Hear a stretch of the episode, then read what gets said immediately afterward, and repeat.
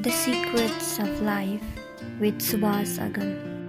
यो सत्यको परिभाषा गर्दाखेरि एक खालि मान्छेहरूले सत्य यो होइन जे देखिएको छ यो सत्य होइन भनेर परिभाषा गर्नुभयो। त्यसलाई ओसोले सच्याउनु भएको छ। यो असत्य होइन मिथ्या चाहिँ हो। अनि असत्य र मिथ्यामा चाहिँ भेद छ। त्यो भेद चाहिँ हामीले बुझ्नुपर्छ। भनेपछि हजुरले भनेको उत्सवमा चाहिँ होस जोडिन्छ। बिल्कुल। अब होस जोडेर कसैले रक्सी खान सक्छ सक्दैन। सक्छ तपाईँ नि भन्नु न सक्छ। होसपूर्ण मातै भनेर सुन्नु भएको छ। होसपूर्ण कोही पनि मात्न सक्दैन। होइन जुन शरीरको जुन इन्द्रियको जुन क्षमता छ त्यसलाई केमिकलले त्यसलाई ओभर होसपूर्ण तरिकाले चाहिँ मान्छेले गाँजा खान सक्दैन चुरोट खान सक्दैन। सक्छ। सक्छ भने शिवजी हुन्छ। सक्छ भने शिवजी हुन्छ। परमात्माको थुप्रै आयामहरू रहेछन् होइन? मैले पनि सद्गुरुको कृपाले त्यो जान्ने मौका पाएँ। ओसोभन्दा पहिला अठार आयामको कुरा गरिएको रहेछ परमात्माको होइन? ओसोले आएर तिनवटा आयाम थप्नुभएको छ एक्काइस आयाम समाधिको अहिले नोन छ। र सद्गुरु औलिया बाबा भन्नुहुन्छ यो त धेरै छ अनन्त छ यो। हामीले अहिले यहाँ यो अनुभव गरिरहेको गराइरहेको कुरा चाहिँ यो एक्काइस आयाममा छ। त एउटा जुन तब जब तपाईँ इन्द्रियातीत लोकमा प्रवेश गर्नुहुन्छ सबभन्दा पहिला तपाईँलाई सबैभन्दा सजिलो साउन्डलेस साउन्ड ओमकारको अनुभव हुन्छ। एक हातको ताली। One hand one hand clapping होइन? जेनहरूले उसोले- भन्नुभएको जेनले चाहिँ त्यसलाई एक हातको ताली भन्छन् भनेर होइन? अनि त्यो त्यो छ। अनि अर्को चाहिँ जब अन्तर जगतमा प्रवेश गर्नुहुन्छ तपाईँले अन्तर जगतलाई देख्नुहुन्छ जस्तो जसको रूप छैन आकार छैन त्यो निराकार। र त्यहाँ एक किसिमको आलोकको हामीलाई दर्शन हुन्छ। यो मुख्यतया दुईवटा आयाम यस्तो थुप्रै आयामहरू हुन्छ। कुनै एउटा आयाममा तपाईँ लिन हुनु त्यो समाधिको अवस्था हो। त ओसो परम्परामा पनि ओसो जस्तो विराट चेतना यस धरतीमा आएर अहिले अशरीरी हुनुहुन्छ। अहिले पनि तपाईँसँग क्षमता छ भने मिराको जस्तो क्षमता छ भने यु क्यान बी कनेक्टेड नभए त्यो अलि दुर्लभै कुरा हो होइन? त ओसो जस्तो महाचेतनाको पनि परम्परा नहोस् त्यसको उत्तराधिकार नहोस्। निश्चित रूपमा एकदमै सहज ढङ्गले म साधनामा अगाडि बढ्न चाहन्छु आर्ट अफ लिभिङ पछि चाहिँ म आर्ट अफ डाइङमा जान चाहन्छु भनेपछि there must be a living master no other way सन्यास भन्ने बित्तिकै के बुझ्नु पर्यो भने सारा ब्रह्माण्डमा श्रेष्ठतम चेतना जुन छ त्यो चेतनासँग म जोडिनै सङ्कल्प हो सन्यास भनेको। ओसो मात्रै के? ओसोको परम्परामा म सन्यास्त भएँ यसको अर्थ म बुद्धको उत्तराधिकारी होइन म कृष्णको उत्तराधिकारी होइन म नानकको उत्तराधिकारी होइन। अर्थात् उतातिर कोही हुनुहुन्छ उता कोही भक्त हुनुहुन्छ सन्यासी हुनुहुन्छ उहाँहरू जब यदि बुद्धत्वमा उपलब्ध हुनुभयो भने उहाँहरू अन्य जनहरूको कल्याणको लागि होइन। ओसोले त उत्तराधिकार कसैलाई पनि दिनु भएन। त्यसको पछाडि पनि केही रहस्य होला। र फेरि के भनिदिनु भयो भने प्रत्येक मेरा सन्यासीहरू मेरा उत्तराधिकारीहरू हुन्। भन्यो त्यसको अर्थ त म पनि उत्तराधिकारी हो ओसोको तपाईँ पनि उत्तराधिकारी हो। हरेक व्यक्ति उत्तराधिकारी हो। म त गर्व गर्छु म त क्लियरै भन्छु। म त हो नै। म त ओसोको उत्तराधिकारी हो नि। कम मजेदार कुरा छ। जन्म जन्म ओसोको यसै गरी उपासना गर्न पाऊँ। जन्म जन्म ओसोको चरणमा आफूलाई राख्न पाऊँ। र हरेक जन्म म गर्वका साथ भन्न सकु कि म ओसोको उत्तराधिकारी हुँ। के छ? एउटा पिताले एउटा छोराले आफ्नो पिताको म उत्तराधिकारी हुँ भने जत्तिकै हो। नभए सन्यास के को लिएको? The Secrets of Life with Subhas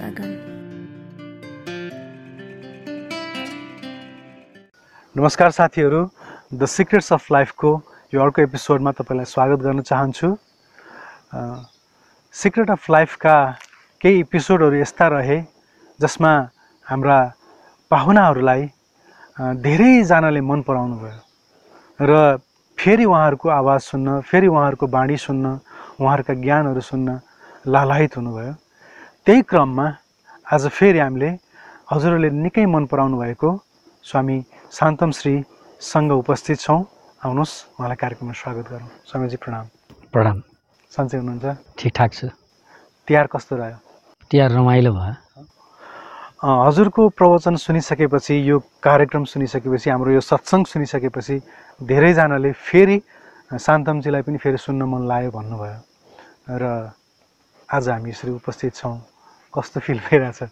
खुसी लागेको छ कि धेरै साथीहरू यस्तो आध्यात्मिक गहिराइका कुराहरू पनि सुन्न लालायत हुनु हुनुहुँदो रहेछ।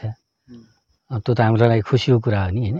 हामी चाहन्छौँ नि बढीभन्दा बढी मान्छेले यो कुराहरू सुनुन् आफ्नो जीवनमा केही उतारुन् रूपान्तरित नै हुन्। अथवा उम्, ओशोले भने जस्तो अझ मोक्षको मार्ग नै खुलोस् मोक्ष नै प्राप्ति होस्। यही त हाम्रो सदाशयता थियो। त्यसको त्यो प्रतिफल मिलेछ भनौँ न। एक किसिमको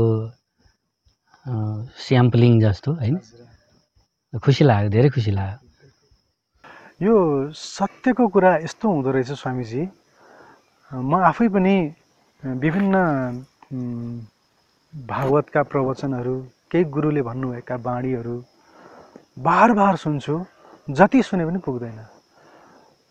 विशेष गरेर श्रीमद् भागवतको कुरा गर्ने हो भने भगवान् कृष्णले त्यही दही खाएका त्यही चाहिँ मखन माखन चोरेका त्यही वृन्दावनमा लीला गरेका कहानीहरू छन् त्यही कुरुक्षेत्रको युद्धका कुराहरू छन्।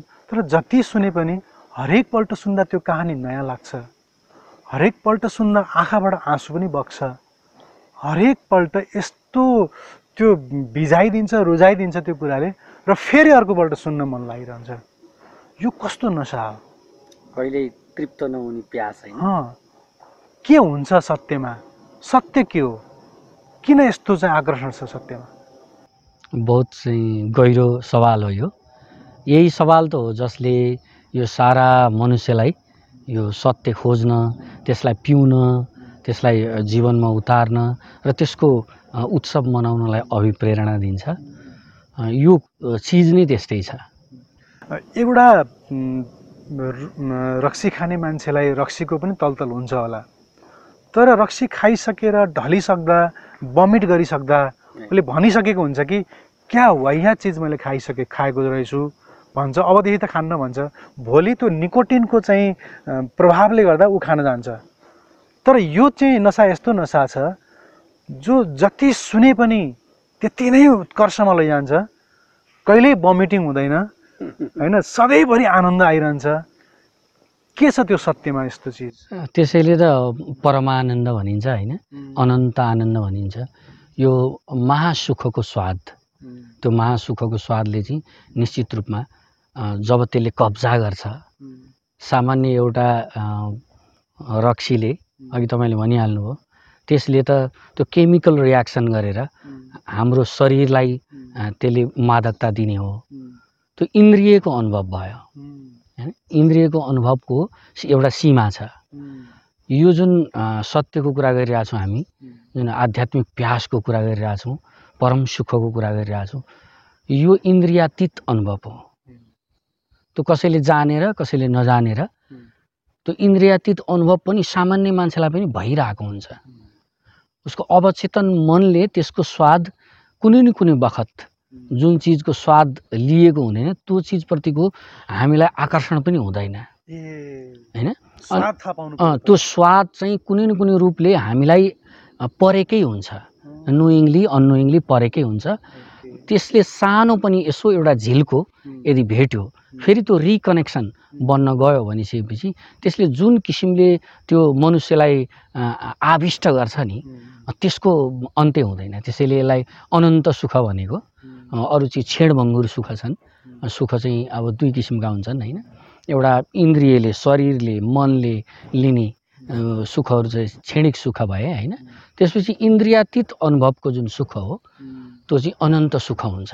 अनि निश्चित रूपमा जुन अनन्त सुख हो त्यसले जब कब्जा गर्छ त्यो नसाले जब छुन्छ। सामान्य नसाले त तपाईँलाई दुई चार घन्टा चौबिस घन्टा मादकता दिन्छ भने त्यो अनन्त सुखले एकचोटि समातेपछि त्यो एकदमै तानि नै रहन्छ आकर्षण गरि नै रहन्छ। त्यसैले त्यो लगातार आकर्षण गरिरहने तत्त्व भएको हुनाले नै कृष्ण भनिएको हो। जुन कृष्णको जुन जसले निरन्तर। आकर्षण गर्छ। जसले तानि नै रहन्छ त्यो विशेषता हुन्छ। सत्यको विषयमा बोलिरहँदा हामीले सानोदेखि नै एउटा कुरा के सुनिरहेका थियौँ भने यो संसार अनित्य छ यो संसार असत्य छ यो जे देखिरहेका छौँ यो सबै माया हो। त्यसो भए के चाहिँ हो त नि? सत्य चाहिँ के हो त? यो यदि सब हामीले यो देखिरहेको मेरो हात यहाँ छ मसँग यो मेरो आई क्यान सी इट यो सत्य मेरो लागि अहिले देख्ने देख्दा त इट्स ट्रुथ यो सत्य हो। तर सत्य होइन भनिन्छ। किनभने एक दिन यो जलेर खरानी हुन्छ। त्यो मैले पनि देखेको छु फेरि। त्यसो भए सत्य चाहिँ के हो त? यो सत्यको परिभाषा गर्दाखेरि एक खालि मान्छेहरूले सत्य यो होइन जे देखिएको छ। यो सत्य होइन भनेर परिभाषा गर्नुभयो। त्यसलाई ओसोले सच्याउनु भएको छ। यो असत्य होइन। मिथ्या चाहिँ हो। अनि असत्य र मिथ्यामा चाहिँ भेद छ। त्यो भेद चाहिँ हामीले बुझ्नुपर्छ। मिथ्या भनेको चाहिँ सत्य जस्तो आभास हुने। तर वास्तवमा त्यो अस्तित्वमा नरहने अथवा त्यो परिवर्तन भएर जाने। एकैछिनमा छ जस्तो छ एकैछिनमा छैन जस्तो छ। स्वप्नवत अस्तित्वलाई चाहिँ मिथ्या भनिएको हो। असत्य भनेको चाहिँ जुन चिज छँदै छैन। यो छँदै थिएन भने त कसरी देखा पर्छ? त्यसैले जुन परम सत्य दुई किसिमले प्रकट हुन्छ। एउटा साकार रूपमा प्रकट हुन्छ। यो पञ्चमहाभूत जुन यो साकार रूपमा प्रकट भएको छ यो पनि परम सत्यकै आयाम हो। यो असत्य होइन यो। यो पनि सत्यकै आयाम हो। सत्यकै आयाम हो यो। अनि अर्को चाहिँ के हुन्छ भने अदृश्य हुन्छ अव्यक्त हुन्छ। एउटा व्यक्त हुन्छ अर्को अव्यक्त हुन्छ। अनि अव्यक्त सत्य। अनि वेदान्तीहरूले प्रायः सो अ, सुरुमा चाहिँ यो मिथ्या भन्ने कुरालाई सत्य भन्ने शब्दले प्रतिस्थापन गरेर यो असत्य हो भन्ने कुरा आयो। यो व्याख्या चाहिँ गलत छ। यो असत्य होइन मिथ्या छ। यो पनि आफ्नै एउटा सत्य हो। अहिले भर्खर तपाईँले मलाई देखिरह देखिरहनु भएको छ मैले तपाईँलाई देखिरहेको छु। यो हाम्रो जीवन चलिरहेछ छोटो भए पनि छेडभङ्गुर भए पनि चलिरहेछ नि। यसलाई असत्य नै हो भन्न त कसरी सकिन्छ र? यो मिथ्या छ। भन्नु मतलब परिवर्तनशील छ। यो मरण धर्म छ। तर यसको पूर्णतया अन्त्य भने छैन। एउटा रूप बदलिन्छ।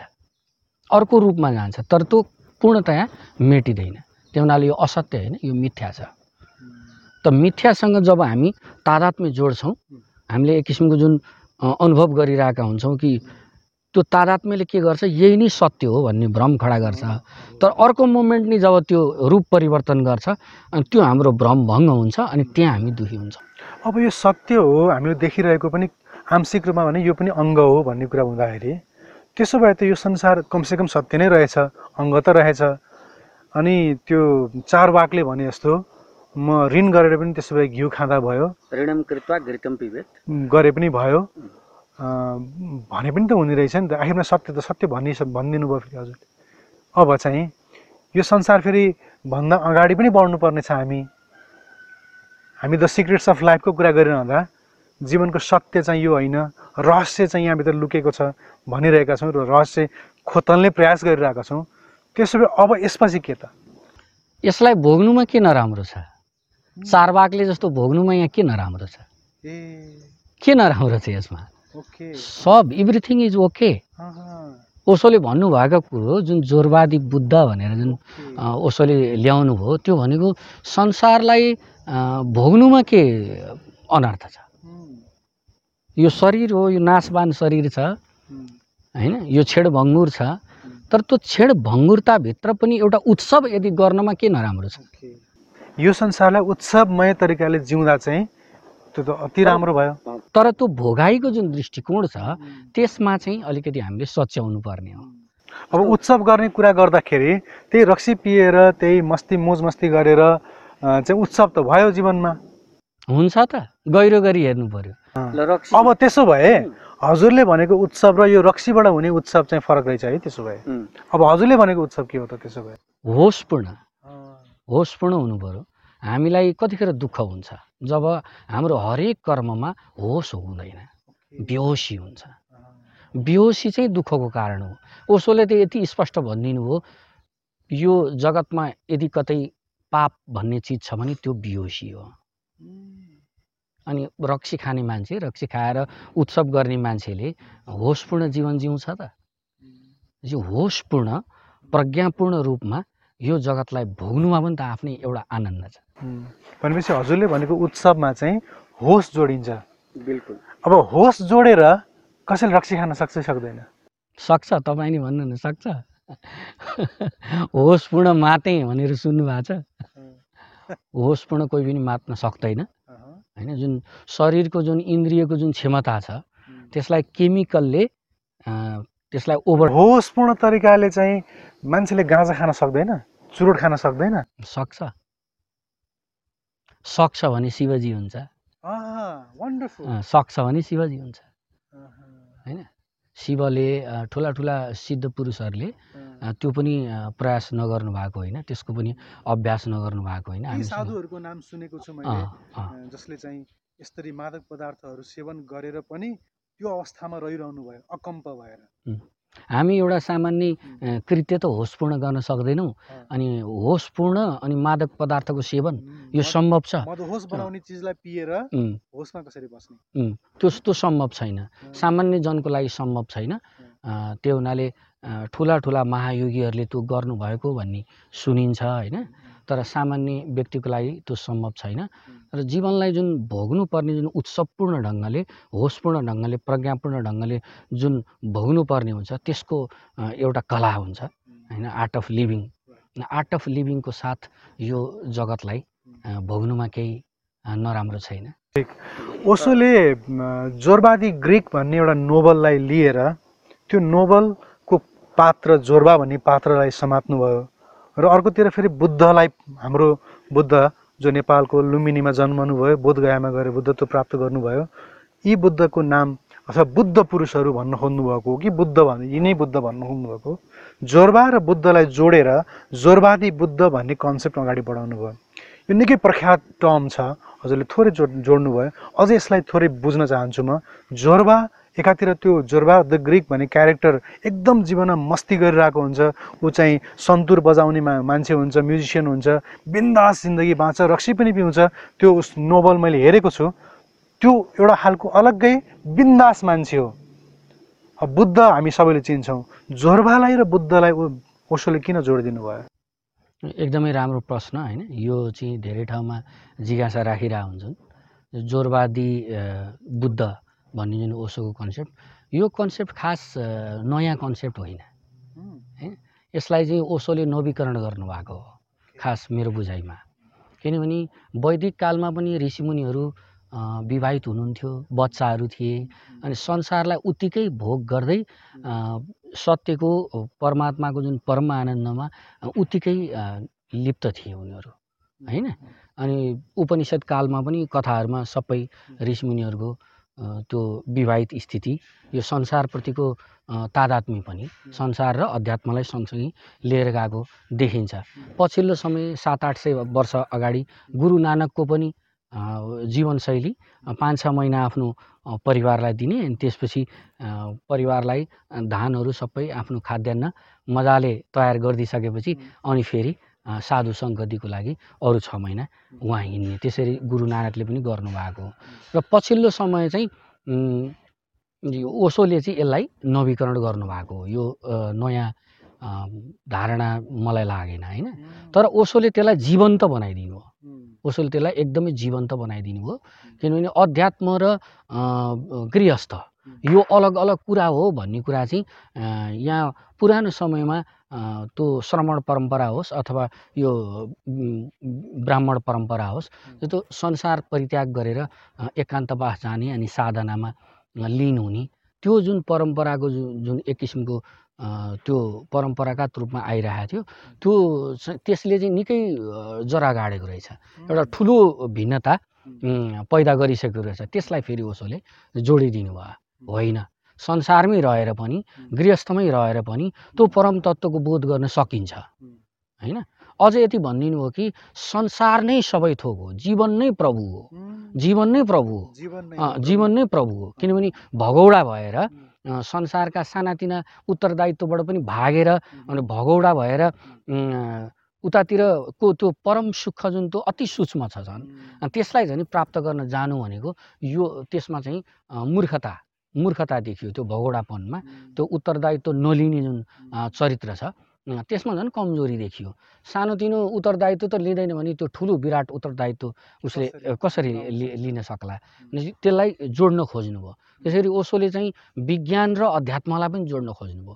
पछिल्लो समय विज्ञान चाहिँ एकदमै एडभान्स कुरा हो होइन? अनि अध्यात्म चाहिँ एकदम रूढिवादिताको कुरा हो।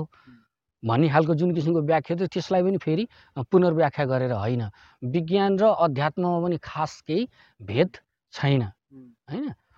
विज्ञान एउटा के हो? सिलसिलेवार अध्ययन गर्ने एउटा निष्कर्षमा पुग्ने प्रक्रिया हो विज्ञान।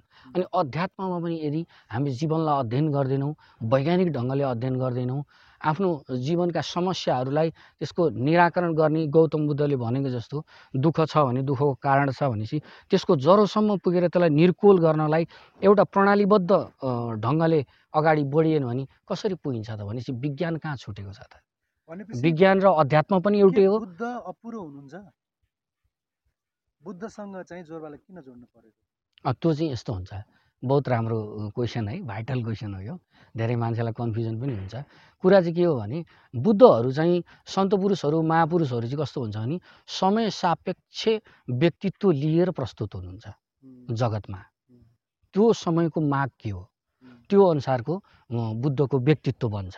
गौतम बुद्ध जतिखेर संसारबाट अलग भएर एकान्त बसेर अनि सबै भिक्षुहरूलाई अलग्ग राखेर गृहस्थबाट होइन? गृहस्थबाट अलग्ग राखेर जुन परम्परा उहाँले सुरु गर्नुभयो त्यतिखेर संसारमै रहेर त्यो हुने भन्ने सम्भावना कम देखेर उहाँहरूको एकदमै वैज्ञानिक र एकदम सत्य तथ्य दृष्टिकोण हुन्छ।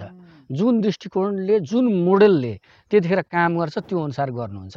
मेरो बुझाइ त्यस्तो छ। त्यही हुनाले गौतम बुद्धको समय त्यस्तो थियो। तर ओसोको समय आउँदा आउँदा होइन यो दुनियाँ धेरै परिवर्तन भइसकेको थियो। होइन? त्यतिखेर ओसो जतिखेर हुनुहुन्थ्यो त्यतिखेर मोडर्निजम एकदम हाबी थियो। पश्चिमतिर एकदम हिप्पिजम हाबी थियो। होइन? अनि ओसो एकदम पढे लेखेको हुनुहुन्थ्यो। यो अहिलेको जम जमानाअनुसार धेरै नै पढे लेखेको हुनुहुन्थ्यो। त्यो हिसाबले चाहिँ ओसो जस्तो प्रस्तुत हुनुभयो। कतिपय मान्छेले त ओसोलाई त बुधु पुरुषै होइन। भन्ने खालको पनि व्याख्या गरेको पनि पाइन्छ। होइन? तर त्यो चाहिँ के भने बाहिर प्रकट हुने प्रस्तुत हुने व्यक्तित्व अनि त्यो कार्यशैली एकातिर हुन्छ भने भित्रको जुन परम शान्ति छ जुन बुद्धत्व छ त्यो चाहिँ आफैमा अकम्प त्यो एउटै किसिमको उही किसिमको हुन्छ हरेक बुद्धहरूको। त्यही चाहिँ जस्तो बाहिर जस्तो प्रकट हुन्छ भित्र जुन अप्रकट छ अकम्प छ जुन शान्त छ त्यही दुईवटा कम्बिनेसन एकैचोटि हुनसक्छ भनेर चाहिँ ओसोले बुद्ध जोरवादी बुद्धको कुरा गर्नुभएको मेरो विचारमा।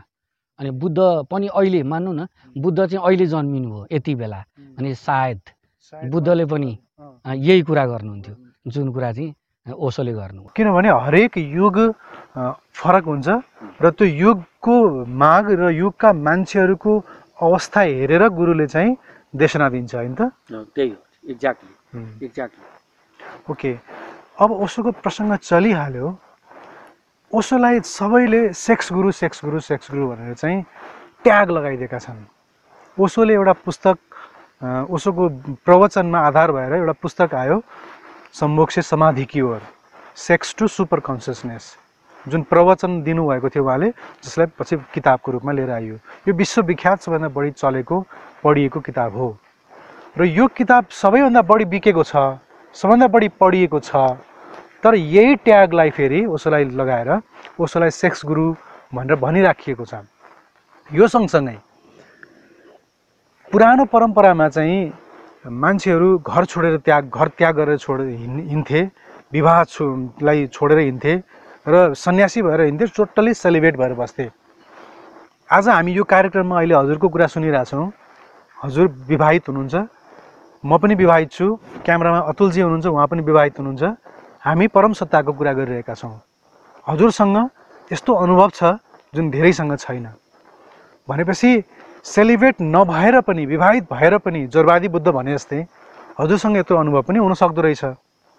भने सेलिब्रेट भएर पनि नभएर पनि त्यो अनुभूति पनि आउन सक्दो रहेछ। यो प्रसङ्ग एकातिर छ। ओसोलाई फेरि सेक्स गुरु सेक्स गुरु सेक्स गुरु पनि भनिराखिएको छ। यो प्रसङ्गमा रहेर चाहिँ यसलाई अलिक प्रष्ट पारिदिनुहोस्। ठिक छ। धेरैले सोध्ने हो यो पनि। पहिला त सबभन्दा पहिला ओसोलाई सेक्स गुरु किन भनिन्छ किन भनेका हुन् उनीहरूले भन्दा? त्योभन्दा पहिला चाहिँ म के क्लियर गर्न चाहन्छु भने ओसो हो के. ओसोलाई के बुझ्यौँ हामीले? होइन धेरैले नबुझेको कुरा चाहिँ त्यो हो। ओसो के हो भनेर बुझ्नुपर्छ पहिला। धेरैको आफ्नै पर्सपेक्टिभ छ ओसो कि कोही भन्छन् विचारक हो कोही दार्शनिक हो कोही त एकदमै आलोचना गर्छन् अब सेक्स गुरु भने होइन। वास्तवमा ओसो के हो भन्दा यो सन्त पुरुषहरूको दुईवटा परिचय हुन्छ होइन? सामान्य हामी सामान्य जनको एउटै परिचय हुन्छ। अर्थात् म यसो पनि भन्छु परिचय नै हुँदैन। किनभने परिचय छ भन्ने एउटा भ्रम हुन्छ। वास्तविक परिचय उनीहरूले कमाएकै हुँदैन। गुरुजीएफले भने जस्तो you have to earn your soul you don't have soul right now you have to earn it भनेपछि सामान्य मान्छेको लागि त त्यो परिचय नै छैन। मेरो विचारमा पनि केही परिचय छैन। त्यो इन्द्रियहरूको त्यो मनको स्मृतिको दुई चारवटा कन्डिसनिङहरू लिएर पुरा होल लाइफ बितिरहेको छ त्यहाँ केही पनि छैन। होइन? त्यो एउटा मेमोरी चिप्स जस्तो हो। केही छैन। तर जो सन्त पुरुषहरू हुन्छन् युग पुरुष हुन्छन् अवतार हुन्छन् उनीहरूको दुईवटा परिचय हुन्छ। एउटा यो मृन्मय देहको देहको परिचय हुन्छ। यो मरण धर्म शरीर छ। यसको आफ्नै किसिमको क्यारेक्टर एट्रिब्युट्सहरू छ। आफ्नै नलेज छ आफ्नै प्रेजेन्टेसन छ आफ्नै प्रोसेस छ सबै चिज छ। अनि अर्को चाहिँ चिन्मय परिचय हुन्छ। जुन देखिन्छ एउटा रूपमा आधारित परिचय छ भने जुन अदृश्य परिचय छ अरूपको परिचय छ। ओसो त्यस्तो व्यक्ति हो। जसको त्यो मृन्मय परिचय भन्दा पनि बढी महत्त्व त्यो चिन्मय रूपको छ। दिव्य रूपको छ क्या? शाश्वत रूपको छ क्या? ओसोको परिचय। तर सामान्य जनले सामान्य ढङ्गले हेर्दाखेरि एउटा व्यक्तिलाई कसरी बुझ्छन्? शरीरको रूपले बुझ्छन् बोलीको रूपले बुझ्छन् उसको कर्मले बुझ्छन् कृत्यले बुझ्छन् होइन? त्यो जुन त्यो चिन्मय परिचय छ त्यो त उनीहरूलाई थाहा हुँदैन। निश्चित रूपमा ओसोलाई विभिन्न किसिमको नामले सम्बोधनले पुकारिएको कारण चाहिँ त्यो हो कि उहाँको बाहिरी व्यक्तित्व बाहिरी प्रेजेन्टेसन हेरेर मान्छेहरूले त्यो भनेका हुन्।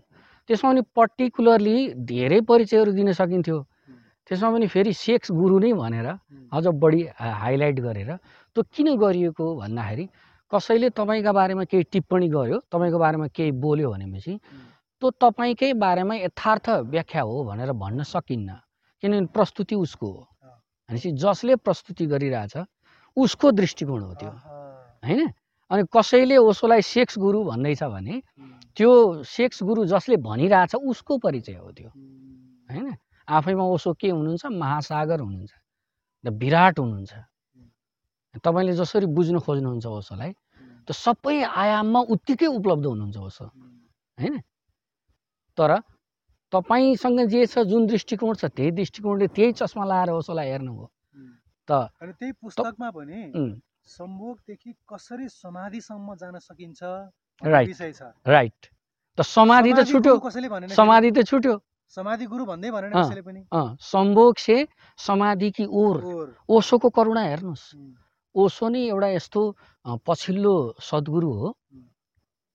उहाँले मनुष्यलाई जहाँ छ त्यहीँबाट त्यो परम तत्त्वसम्म त जोडिन सक्छस्।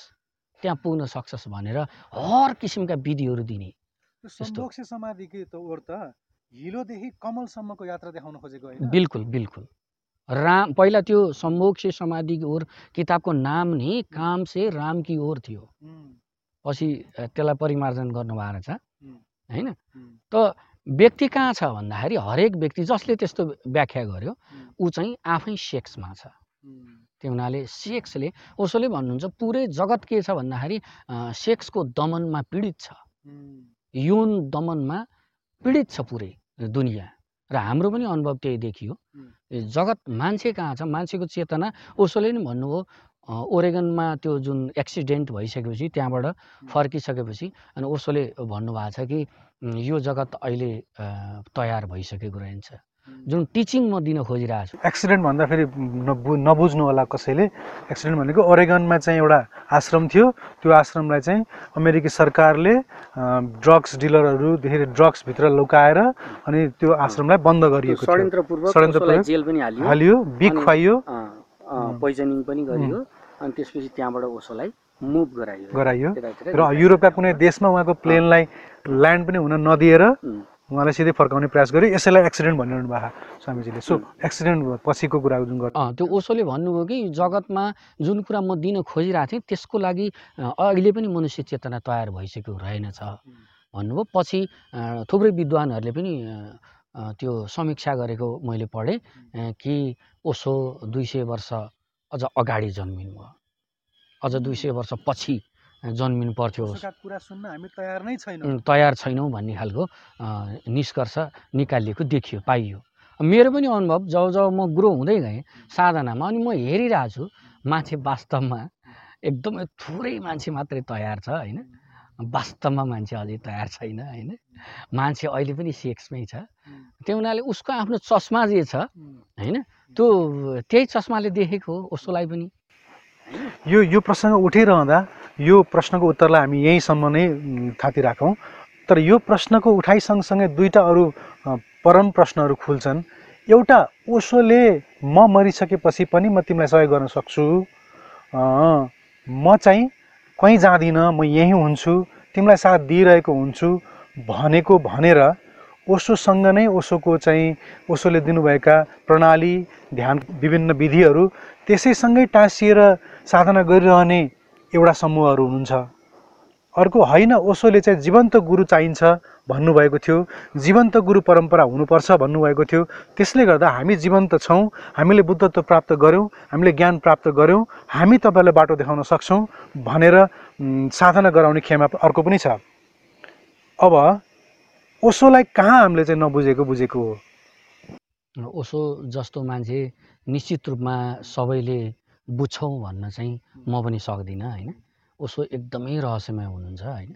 अनि त्यस्तो महापुरुषहरूको भनाइमा कस्तो हुन्छ भने उहाँहरूले जे भन्नुभयो नि त्यसमा एउटा सिधा अर्थ हुन्छ होइन? यसो गरी तिमी सक्रिय ध्यान गर। भनेपछि त्यसमा धेरै दायाँमा अर्थ लाउनु पर्ने कुरा छैन नि त होइन? तर तिमी पाँचजना शिष्य भएर जहाँ साधना गर्छौ म त्यहाँ सूक्ष्म रूपमा उपस्थित हुन्छु म तिमीलाई साथ दिन्छु तिमीले चाहिँ मबाट विमुख कहिले हुँदैनौ भन्नुभएको छ एकातिर। अर्कोतिर फेरि जीवन्त गुरु चाहिन्छ पनि भन्नुभएको छ। त्यही त। म त्यसैमा थिएँ त्यसै आउँदै अब जस्तो भन्नुभयो नि. पाँचजना मेरो सन्यासी जहाँ उपस्थित हुन्छन् त्यहाँ मेरो उपस्थिति हुन्छ भन्नुभयो नि अब यस्तो रहस्यमय अभिव्यक्ति आएपछि चाहिँ अब सिधा अर्थ खोज्नु हुँदैन। होइन? अब त्यसमा अझ गहिरो अर्थ भावार्थ हुन्छ। अझ त्योभन्दा पनि गुड अर्थ हुन्छ। होइन? रहस्यको पनि अर्थ हुन्छ। त्यो हुनाले केही साथीहरूले सुरुको सिधा अर्थलाई होइन शब्दको अर्थ क्या शब्दको अर्थलाई समाउनु होला। केही साथीहरूले भावार्थ समाउनु होला र केही साथीहरूले गुणार्थ समाउनु होला। त्योभन्दा पनि गहिरो अर्थ समाउनु होला। त्यसमा फरक परिहाल्छ। त्यो बुझाइमा फरि फरक परिहाल्छ। त मेरो बुझाइमा चाहिँ के छ भने जति जति गहिरो साधना गर्दै गइन्छ अनुभू अनुभूति हुँदै जान्छ। त्यति त्यति हामीसँग चाहिँ एउटा प्रज्ञाको उदय हुँदै जान्छ। यो किन भनिएको हो? यसको के अर्थ हो? भनेर होइन यदि हामी एकदम इमान्दार छौँ भने चाहिँ हामी आफ्नै अर्थ पनि बदल्दै जानुपर्छ। यदि म पहिला सुरुमा माथि माथि थिएँ मैले सिधा अर्थ खोजिरहेको थिएँ अझ गहिरो जाँदाखेरि जस्तो मेरो इन्द्रियको अनुभव थियो अनि इन्द्रियको अनुभवबाट म इन्द्रियातीत अनुभवमा पुगेँ यही जगत अर्कै भइसक्यो त। मैले पहिला बुझेको कुरा त गलत रहेछ त। होइन? अनि अझ गहिरो जाँदाखेरि त ए ओसोले यस्तो भन्नुभयो भन्ठाने थिएँ। तर यो कुरा यस्तो होइन रहेछ यस्तो पो रहेछ त। होइन? त्योभन्दा नि गहिराइ गएपछि ए यो पनि होइन रहेछ यस्तो पो रहेछ त। यसरी हामी आफैमा सचिँदै जान्छौँ यो साधनामा। त्यो हुनाले साधनाको विभिन्न तह हुन्छ होइन? सुरुमा चाहिँ साधना गर्दै नगर्ने मान्छेहरूको लागि त साधनाको केही अर्थै भएन। उनीहरूले चाहिँ जीवनलाई कसरी शाश्वततिर लिएर जाने भन्ने सोचेकै हुँदैन एउटा सन्यासीले तपाईँले मैले सबैजनाले होइन मेरो जीवनको शैली चाहिँ ठिक रहेनछ। अब चाहिँ म अलिकति यो दिव्यतातर्फ जानु पऱ्यो भनेर सन्यास लिएको त हो। सन्यास लिइसकेपछि मैले गर्न खोजेको के?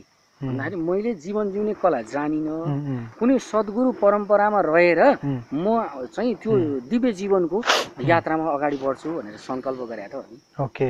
त्यसलाई चाहिँ आर्ट अफ लिभिङ भनेर होइन हामीले चाहिँ पहिला चाहिँ जिउनै जानेका छैनौँ जिउन सिक्दैछौँ क्या। सुरुको साधनाको अध्यात्मको यो श्रृङ्खला यस्तो हुन्छ क्या। ठिक छ। अब टु द पोइन्टमा आउँ अझै स्वामीजी। अब सामान्यतया भन्दाखेरि हाम्रो नेपालको परिप्रेक्ष्यमा एउटा ओसो तपोवन छ एउटा ओसो धारा छ र भारतमा त ओसोसँग सन्यास लिनुभएका धेरै स्वामीजीहरूको आफ्नो आफ्नो धेरै संस्थाहरू छन्। एकातिर ओसो तपोवनमा बिल्कुल ओसोले जे सिकाउनु भयो जे गराउनु भयो त्यही नै सिकाइन्छ। आनन्द अरुण स्वामीजीले म बुद्ध पुरुष भएँ भन्नुभएको छैन अहिले पनि। उहाँले म साधु म साधक हुँ मलाई ओसोले बोधिसत्व भनेर भन्नुभएको थियो। म चाहिँ उहाँको चेलो हुँ मैले गुरुकै कुराहरू भनिरहेको छु भन्नुहुन्छ।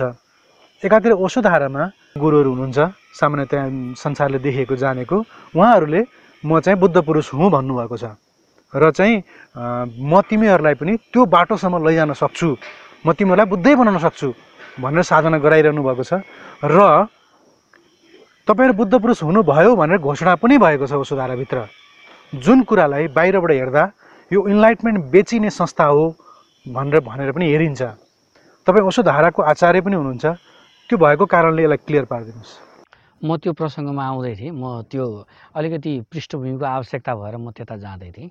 एउटा साधनाको एउटा समय हुन्छ एउटा अवधि हुन्छ जसमा चाहिँ साधक आर्ट अफ लिभिङ सिक्छ। आर्ट अफ लिभिङ जिउने कसरी? यहाँ अहिले बजारमा छ्याप छ्याप्ती छ। यसरी ध्यान गर्नुहोस् यसरी सास फेर्नुहोस् होइन यति प्राणायाम गर्नुहोस् यस्तो गर्नुहोस् यसरी स्टे स्ट्रेस फ्री हुनुहोस् यसरी सम्बन्ध कायम गर्नुहोस् यसरी सफल हुनुहोस्। Beautifully peacefully with happiness. होइन यो आर्ट अफ लिभिङ नाम पनि छ एउटा हाम्रो श्री श्री रविशङ्करको होइन आर्ट अफ लिभिङ को एउटा तह हुन्छ। तर अध्यात्म त्यहीँ रोकिँदैन। अध्यात्म अगाडि बढ्छ। अब प्रवेश हुन्छ आर्ट अफ डाइङमा। अब मर्ने कला पनि आउनुपर्छ। जिउने कला मात्रै होइन अब मर्ने कला पनि आउनुपर्छ। त्यसैले ओसो भन्नुहुन्छ म मृत्यु सिकाता हुँ। होइन? Art of dying. अनि स्पिरिचुअलिटीको रियल चाहिँ त्यहाँबाट बिगिनिङ हुन्छ मेरो अनुभवमा। किनभने दुःख किन छ? यो मुक्ति किन चाहिएको भन्दाखेरि हामीसँग अहङ्कार छ। यो शरीर त मरण धर्मै छ। यो मरेर जान्छ। यसको लागि त कुनै चिच्याउनु कराउनै परेन। त के चिजले दुःख दिएको छ भन्दा हामीसँग भएको अहङ्कारले दुःख दिएको छ। र आर्ट अफ डाइङमा अहङ्कार मर्छ। त्योभन्दा अगाडि अहङ्कारको मृत्यु छैन अहङ्कार झन् मजबुत भइरहेछ। किन राम्रो गरी परिवार चलाएको छ राम्रो गरी बिजनेस चलाएको छ हाँसी खुसी छ सुसम्बन्ध छ त्यसको अहङ्कार गल्छ त्यसको अहङ्कार झन् परिपुष्ट हुन्छ। यसै सन्यासी भनेको के हो भने ओसोले पनि मेरो सन्यास भनेको मृत्युको निमन्त्रण हो भन्नुभएको छ। त के को मृत्युको निमन्त्रण भन्दा अहङ्कारको मृत्युको निमन्त्रण हो। भनेपछि आर्ट अफ लिभिङबाट सन्यासी आर्ट अफ डाइङमा जानुपर्छ। होइन? त कोही मान्छे चाहिँ आर्ट अफ लिभिङ मात्रै चाहिरहेको छ। कसैलाई चाहिँ आर्ट अफ डाइङ अहिले चाहिएको छैन। अहिले टाइम आएको छैन किनभने त्यसले पनि एउटा प्रोसेस लिन्छ त्यो एउटा समय लिन्छ त्यसले। होइन? भनेपछि निश्चित रूपमा त्यहाँ हामीले कुन समूह समाउने भन्ने हुन्छ। कुन समूहमा मलाई आर्ट अफ लिभिङ सिकाइन्छ? कुन समूहमा मलाई आर्ट अफ डाइङ सिकाइन्छ? अथवा म कहाँ गएर मेरो अहङ्कार निर्जरा गर्न सक्छु? होइन? यहाँनिर अब म जोड्छु। तपाईँलाई आर्ट अफ लिभिङ मात्र चाहिन्छ भनेपछि मेडिटेसन इज एनफ। है मेडिटेसन इज एनफ। किन मेडिटेसनले तपाईँलाई के गर्छ? भन्दाखेरि पिसफुल बनाउँछ। संसारमा इनर्जेटिक बनाउँछ। अनि स्माइलिङ होइन ह्याप्पिनेस एउटा गुड गोइङ लाइफ तपाईँलाई दिन्छ मेडिटेसनले। तर मेडिटेसनले त्योभन्दा गहिराइमा जानलाई आर्ट अफ डाइङमा जाने बित्तिकै तपाईँको संसार त भत्किन थाल्छ। संसार त तपाईँसँग छुट्न थाल्छ। अहङ्कार त त्यहाँ एकदमै झिनो हुँदै जान्छ समाप्त हुन थाल्छ। त अहङ्कार समाप्त हुने बेलामा एक किसिमको एक किसिमको भय हुन्छ सा साधकलाई। भएर धेरै साधकहरू त्यहाँबाट उता जाँदै आर्ट अफ डाइङतिर जाँदैनन्। आर्ट अफ लिभिङमै दिस इज एभ्रिथिङ भनेर बस्छन्। त्यस्तो मान्छेहरूको लागि त्यो जो जीवन्त गुरु छ नि अगाडि. मैले भन्नु खोजेँ जो जीवन्त गुरु छ नि अगाडि साङ्केतिक रूपमा बोलिरहनु भएको छ। म भन्छु जो जीवन्त गुरु छ नि अगाडि. होइन त्यो जीवन्त गुरु त त्यो मृत्यु रूप हो त्यो। त्यो अहङ्कार त्यहाँ विसर्जन गर्नुपर्छ। अनि धेरै साधकहरूले जीवन्त गुरुलाई सामना गर्न सक्दैन। त्यो हुनाले के गर्छन् एउटा आइकोन समाउनु पऱ्यो नि ओसो त छँदैछ नि होइन ओसोले अहिले प्रत्यक्ष हामीलाई के गर्नुहुन्छ? भावनामा बगेर हुँदैन नि। होइन? ओसोले पनि काम गर्छु भन्नुभएको कुरामा असत्यता छैन। काम गर्नुहुन्छ तर को मार्फत काम गर्नुहुन्छ? भन्दा जीवन्त गुरु मार्फत काम गर्नुहुन्छ। बिना जीवन्त गुरु होइन मैले धेरै हाम्रै साथीहरू पनि भेटेको छु। अँ म ओसोसँग कनेक्टेड छु भनेर भन्छन् साथीहरू। म हेर्छु उनीहरूको स्टाटस हेर्छु अनि ओसोसँग कनेक्टेड भएको मान्छेको स्टाटस के हो त त्यसो भएदेखि? यो भावनात्मक कुरा मात्र हो। ओसोसँग कनेक्टेड हुने भनेको हुँदैन हुने म भन्न सक्दिनँ किनभने एकदम दुर्लभ सन्यासीहरू छन् भक्तहरू छन् जो चाहिँ जसको शरीर छैन जस्तो कृष्णको शरीर छैन अशरीरी अवस्थामा कृष्ण हुनुहुन्छ तर मिरा जोडिनुहुन्छ। त मिरा जस्तो चेतना कतिसँग छ त? कति पर्सेन्टसँग छ त? ओके मैले माने कि मिरा जस्तै म छु भनेर कसैले भन्यो मैले माने। ओके तर देखिन्छ त? जीवनमा देखिन्छ त? जीवनमा त देखिँदैन। जीवनमा त सिम्पल मेडिटेसन पनि ह्याप्पन भएको देखिँदैन। ध्यान पनि यदि कसैलाई ह्याप्पन भयो भने ऊ त निर्विचारको अनुभवमा हुन्छ। तर ऊ त के छ? रसाकसीमा छ। समूह समूहको बिचको आरोप प्रत्यारोपमा छ। ब्याटलमा छ त्यहाँ। त्यहाँ त सिकायतमा छ ऊ। त्यसै ध्यान पनि घटित भएको म देखिरहेको छैन। भनेपछि त्यो एकदमै उचाइका कुरा आफ्नो आत्मसन्तुष्टिको लागि बोलेको हो साथीहरूले होइन? त्यो मेरो मेरो बुझाइमा होइन? तर सा निश्चित रूपमा एकदमै सहज ढङ्गले म साधनामा अगाडि बढ्न चाहन्छु। आर्ट अफ लिभिङ पछि चाहिँ म आर्ट अफ डाइङमा जान चाहन्छु भनेपछि there must be a living master no other way होला ठिक छ। मान्छेको आफ्नो तरिका हुन्छ। आफ्नो फ्रिडम हो होइन? उम्, आफ्नो किसिमले साधना लिएर जान सकिन्छ। तर साइन्टिफिकल्ली हेर्ने हो भने लजिकल्ली हेर्नु हो भने र एउटा परम्परा पनि हेर्ने हो भने जस्तो गौतम बुद्धले पनि त बिस्तारै उनको अर्को उत्तराधिकार दिँदै चाहिँ ल्याउनु भयो। गुरु नानकले पनि त उत्तराधिकार दिँदै ल्याउनु भयो। अनि ओसो परम्परामा पनि अहिले कुरा गर्नुभयो तपाईँले क्लियर गर्नु भनेर। त ओसो परम्परामा पनि ओसो जस्तो विराट चेतना यस धरतीमा आएर अहिले अशरीरी हुनुहुन्छ। अहिले पनि तपाईँसँग क्षमता छ भने मिराको जस्तो क्षमता छ भने यु क्यान बी कनेक्टेड नभए त्यो अलि दुर्लभै कुरा हो होइन? त ओसो जस्तो महाचेतनाको पनि परम्परा नहोस् त्यसको उत्तराधिकार नहोस्।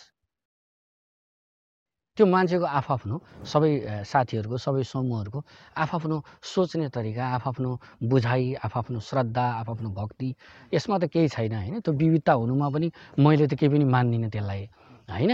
तर जहाँसम्म त्यहाँ अब अ, शिकायत गर्ने एकले अर्काको कन्डेमनेसन गर्ने त्यो त सम्भवै छैन भन्ने अनि रिकग्निसन नै नगर्ने यो कुरा चाहिँ सामान्य सन्यासीलाई त्यो पनि ओसोको सन्यासीलाई सुहाउँदैन होइन? ओसोले त उत्तराधिकार कसैलाई पनि दिनु भएन। त्यसको पछाडि पनि केही रहस्य होला। र फेरि के भनिदिनु भयो भने प्रत्येक मेरा सन्यासीहरू मेरा उत्तराधिकारीहरू हुन्। भन्यो। त्यसको अर्थ त म पनि सन्या उत्तराधिकारी उत्तराधिकारी हो ओसोको तपाईँ पनि उत्तराधिकारी हो। हरेक व्यक्ति उत्तराधिकारी हो। म त गर्व गर्छु म त क्लियरै भन्छु। म त हो नै। अन्त ओसोको उत्तराधिकारी हो नि। कम मजेदार कुरा छ। जन्म जन्म ओसोको यसै गरी उपासना गर्न पाऊँ। जन्म जन्म ओसोको चरणमा आफूलाई राख्न पाऊँ। र हरेक जन्म म गर्वका साथ भन्न सकु कि म ओसोको उत्तराधिकारी हुँ। के छ? एउटा पिताले एउटा छोराले आफ्नो पिताको म उत्तराधिकारी हुँ भने जत्तिकै हो। नभए सन्यास के को लिएको? यो सांसारिक मातापिताको उत्तराधिकारी हुन अथवा कुनै एउटा समूहको उत्तराधिकारी लिन होइन? यसको लागि त होइन नि। सन्यास भन्ने बित्तिकै के बुझ्नु पऱ्यो भने सारा ब्रह्माण्डमा श्रेष्ठतम चेतना जुन छ त्यो चेतनासँग म जोडिनै सङ्कल्प हो सन्यास भनेको। ओसो मात्रै के? ओसोको परम्परामा म सन्यास्त भएँ यसको अर्थ म बुद्धको उत्तराधिकारी होइन म कृष्णको उत्तराधिकारी होइन म नानकको उत्तराधिकारी होइन। अर्थात् उतातिर कोही हुनुहुन्छ उता कोही भक्त हुनुहुन्छ सन्यासी हुनुहुन्छ उहाँहरू जब यदि बुद्धत्वमा उपलब्ध हुनुभयो भने उहाँहरू अन्य जनहरूको कल्याणको लागि होइन। यसमा त त्यो कुरा बाज्नुपर्ने त म केही देख्दिनँ। त्यही हुनाले एउटा जस्तो ओषधाराको कुरा गर्नुभयो तपाईँले त्यहाँ ओशो सिद्धार्थ औलिया हुनुहुन्छ। उहाँले आफूलाई अ, ओशोको उत्तराधिकारीको रूपमा स्थापित गरिसक्नु भयो घोषणा मात्रै होइन। उहाँले जति काम गर्नुभयो लगभग यदि दृष्टिकोण सही ढङ्गले लिएर हेर्ने हो भने रियल्ली एकदमै स्तुत्य काम उहाँले गर्नुभएको छ। एकदमै त्यो प्रार्थनीय काम छ उहाँको। तर दृष्टिकोण आफ्नो सफा हुनु पऱ्यो नि। त्यस्तै अरू समूहहरू पनि हुनुहुन्छ। तपोवनको कुरा गर्नु हो स्वयं आनन्दहरू अ- अत्यन्त श्रद्धेय हुनुहुन्छ। उहाँबाटै मेरो सन्यास सुरु भयो हो। मैले तपोवनमै सन्यास लिएको हो। त सन्यास त मैले लिएँ। दुई वर्ष म सक्रिय ध्यान होइन। अनि त्यो साथी सायद योग वीरेन्द्र मसँगै सन्यास लिएको हो हाम्रो तपोवनको साथी। अनि कृष्ण मोहनजी पनि हुनुहुन्थ्यो अब म चिन् चिन्छु म। अनि दुई वर्ष साधना गरियो होइन। त्यतिखेर फर्चुनेटली हामीसँग एकजना साथी हुनुहुन्थ्यो। हामीभन्दा अगाडि साधना गरिरहेको साथी हुनुहुन्थ्यो साइमन भन्ने। त्यतिखेर पनि उसको गाइडेन्समा हामी साधना गरिरहेको थियौँ। भनेपछि गाइडेन्सको कति महत्त्व छ? अनि आफ्टर टु इयर्स दुई वर्ष हामीले सक्रिय ध्यान कुण्डलिनी चक चक्र ब्रिदिङ चक्र साउन्ड होइन? नटराज नो माइन्ड अब जे जे छ हाम्रो त्यो सबै गरिसकेपछि एउटा पज आयो क्या। त्यसपछि अगाडि कसरी बढ्ने? कसरी जाने अगाडि? केही थाहा छैन। अगाडि जति हुनुपर्थ्यो जति गर्न सकिन्थ्यो गरियो। त्योभन्दा अगाडि के त? तर मलाई त टु थाउजन्ड वानमा मलाई सतोरी घटिसकेको रहेछ। तर मलाई थाहा छैन। होइन? यस्तो रहस्यमा कसले गाइड गर्ने त? त्यतिको कुरा मात्रै गरेर हुन्छ कि? होइन त्यसलाई एउटा वे दिनुपर्छ। जसले वे दिन्छ जसले बाटो देखाउँछ होइन त्यो त वास्तवमै स्तुत्य हुन्छ। होइन त्यो हुनाले केही पनि विभेद म देख्दिनँ। होइन म सबैको प्रतिनिधि हुँ भन्ने लाग्छ मलाई। होइन सबै गुरुभाइहरू समूहहरू मेरो लागि एकदमै प्रिय हुनुहुन्छ। म पुरै ओसोको चाहिँ उत्तरदायित्व लिन चाहन्छु मेरो व्यक्तिगत रूपमा भन्नुपर्दा। र अरू ओसोको मात्रै होइन गएर ओसोहरू सबै हरेक व्यक्ति प्रिय छन् नि एउटा व्यक्ति जागृत भइसकेपछि त जागिसकेपछि त। र साधनाको मार्गमा लागिसकेपछि अ, अन्ततगतवा हाम्रो परम उत्कर्षमा पुग्ने भनेको बुद्धत्वको अवस्था ज्ञान प्राप्त भएको अवस्था र त्यसपछि सहज भएर बसेको अवस्था भनिन्छ। उसो धारामा बुद्धत्वको अवस्थासम्म पुगेका सन्यासीहरू हुनुहुन्छ। भनिन्छ। र त्यहाँ त्यस्तो त्यो लेभलमा पुर्याउन सक्ने विधि पनि छ भनिन्छ। के सम्भव छ? त्यो सम्भव छ। होइन? सबभन्दा पहिला त के कुरा बुझ्नु पऱ्यो भने यो इन्लाइटनमेन्टलाई जसरी लिया छ नि व्याख्या व्याख्या गरिया छ नि त्यो इन्लाइट इन्लाइटनमेन्टको क्लियर कुरा बुझ्नु पऱ्यो कि वाट इज इन्लाइटनमेन्ट यो कुरा पहिला बुझ्नु पऱ्यो अब ओसोले एक एउटा इन्टरप्रिटेसन केही भन्नुभएको छ जे कृष्णमूर्तिले अर्को केही भन्नुभएको छ जर्ज गुरुजीएफले केही भन्ला इका टोल अहिलेको छ उसले केही भन्ला त्यो कुरा भन्दा नि सिम्पल के कुरा बुझ्नु पऱ्यो भने मैले आफूले जे बुझेँ होइन? मलाई त कस्तो लाग्छ भने जो व्यक्ति म अब सन्यास जीवन जिउँछु भनेर निर्णय गर्छ त्यो सर्टेन लेभल अफ इन्लाइटेन्ड मान्छे हो त्यो। सन्यास लिनलाई जसको मनमा तयारी भयो है नोइङली इन्लाइटन भनेको नेपालीमा ठ्याक्कै भन्दा चाहिँ खास प्रज्वलित भएको अवस्था हो प्रकाशित प्रकाशित भएको अवस्था हो ज्ञान थाहा पाएको।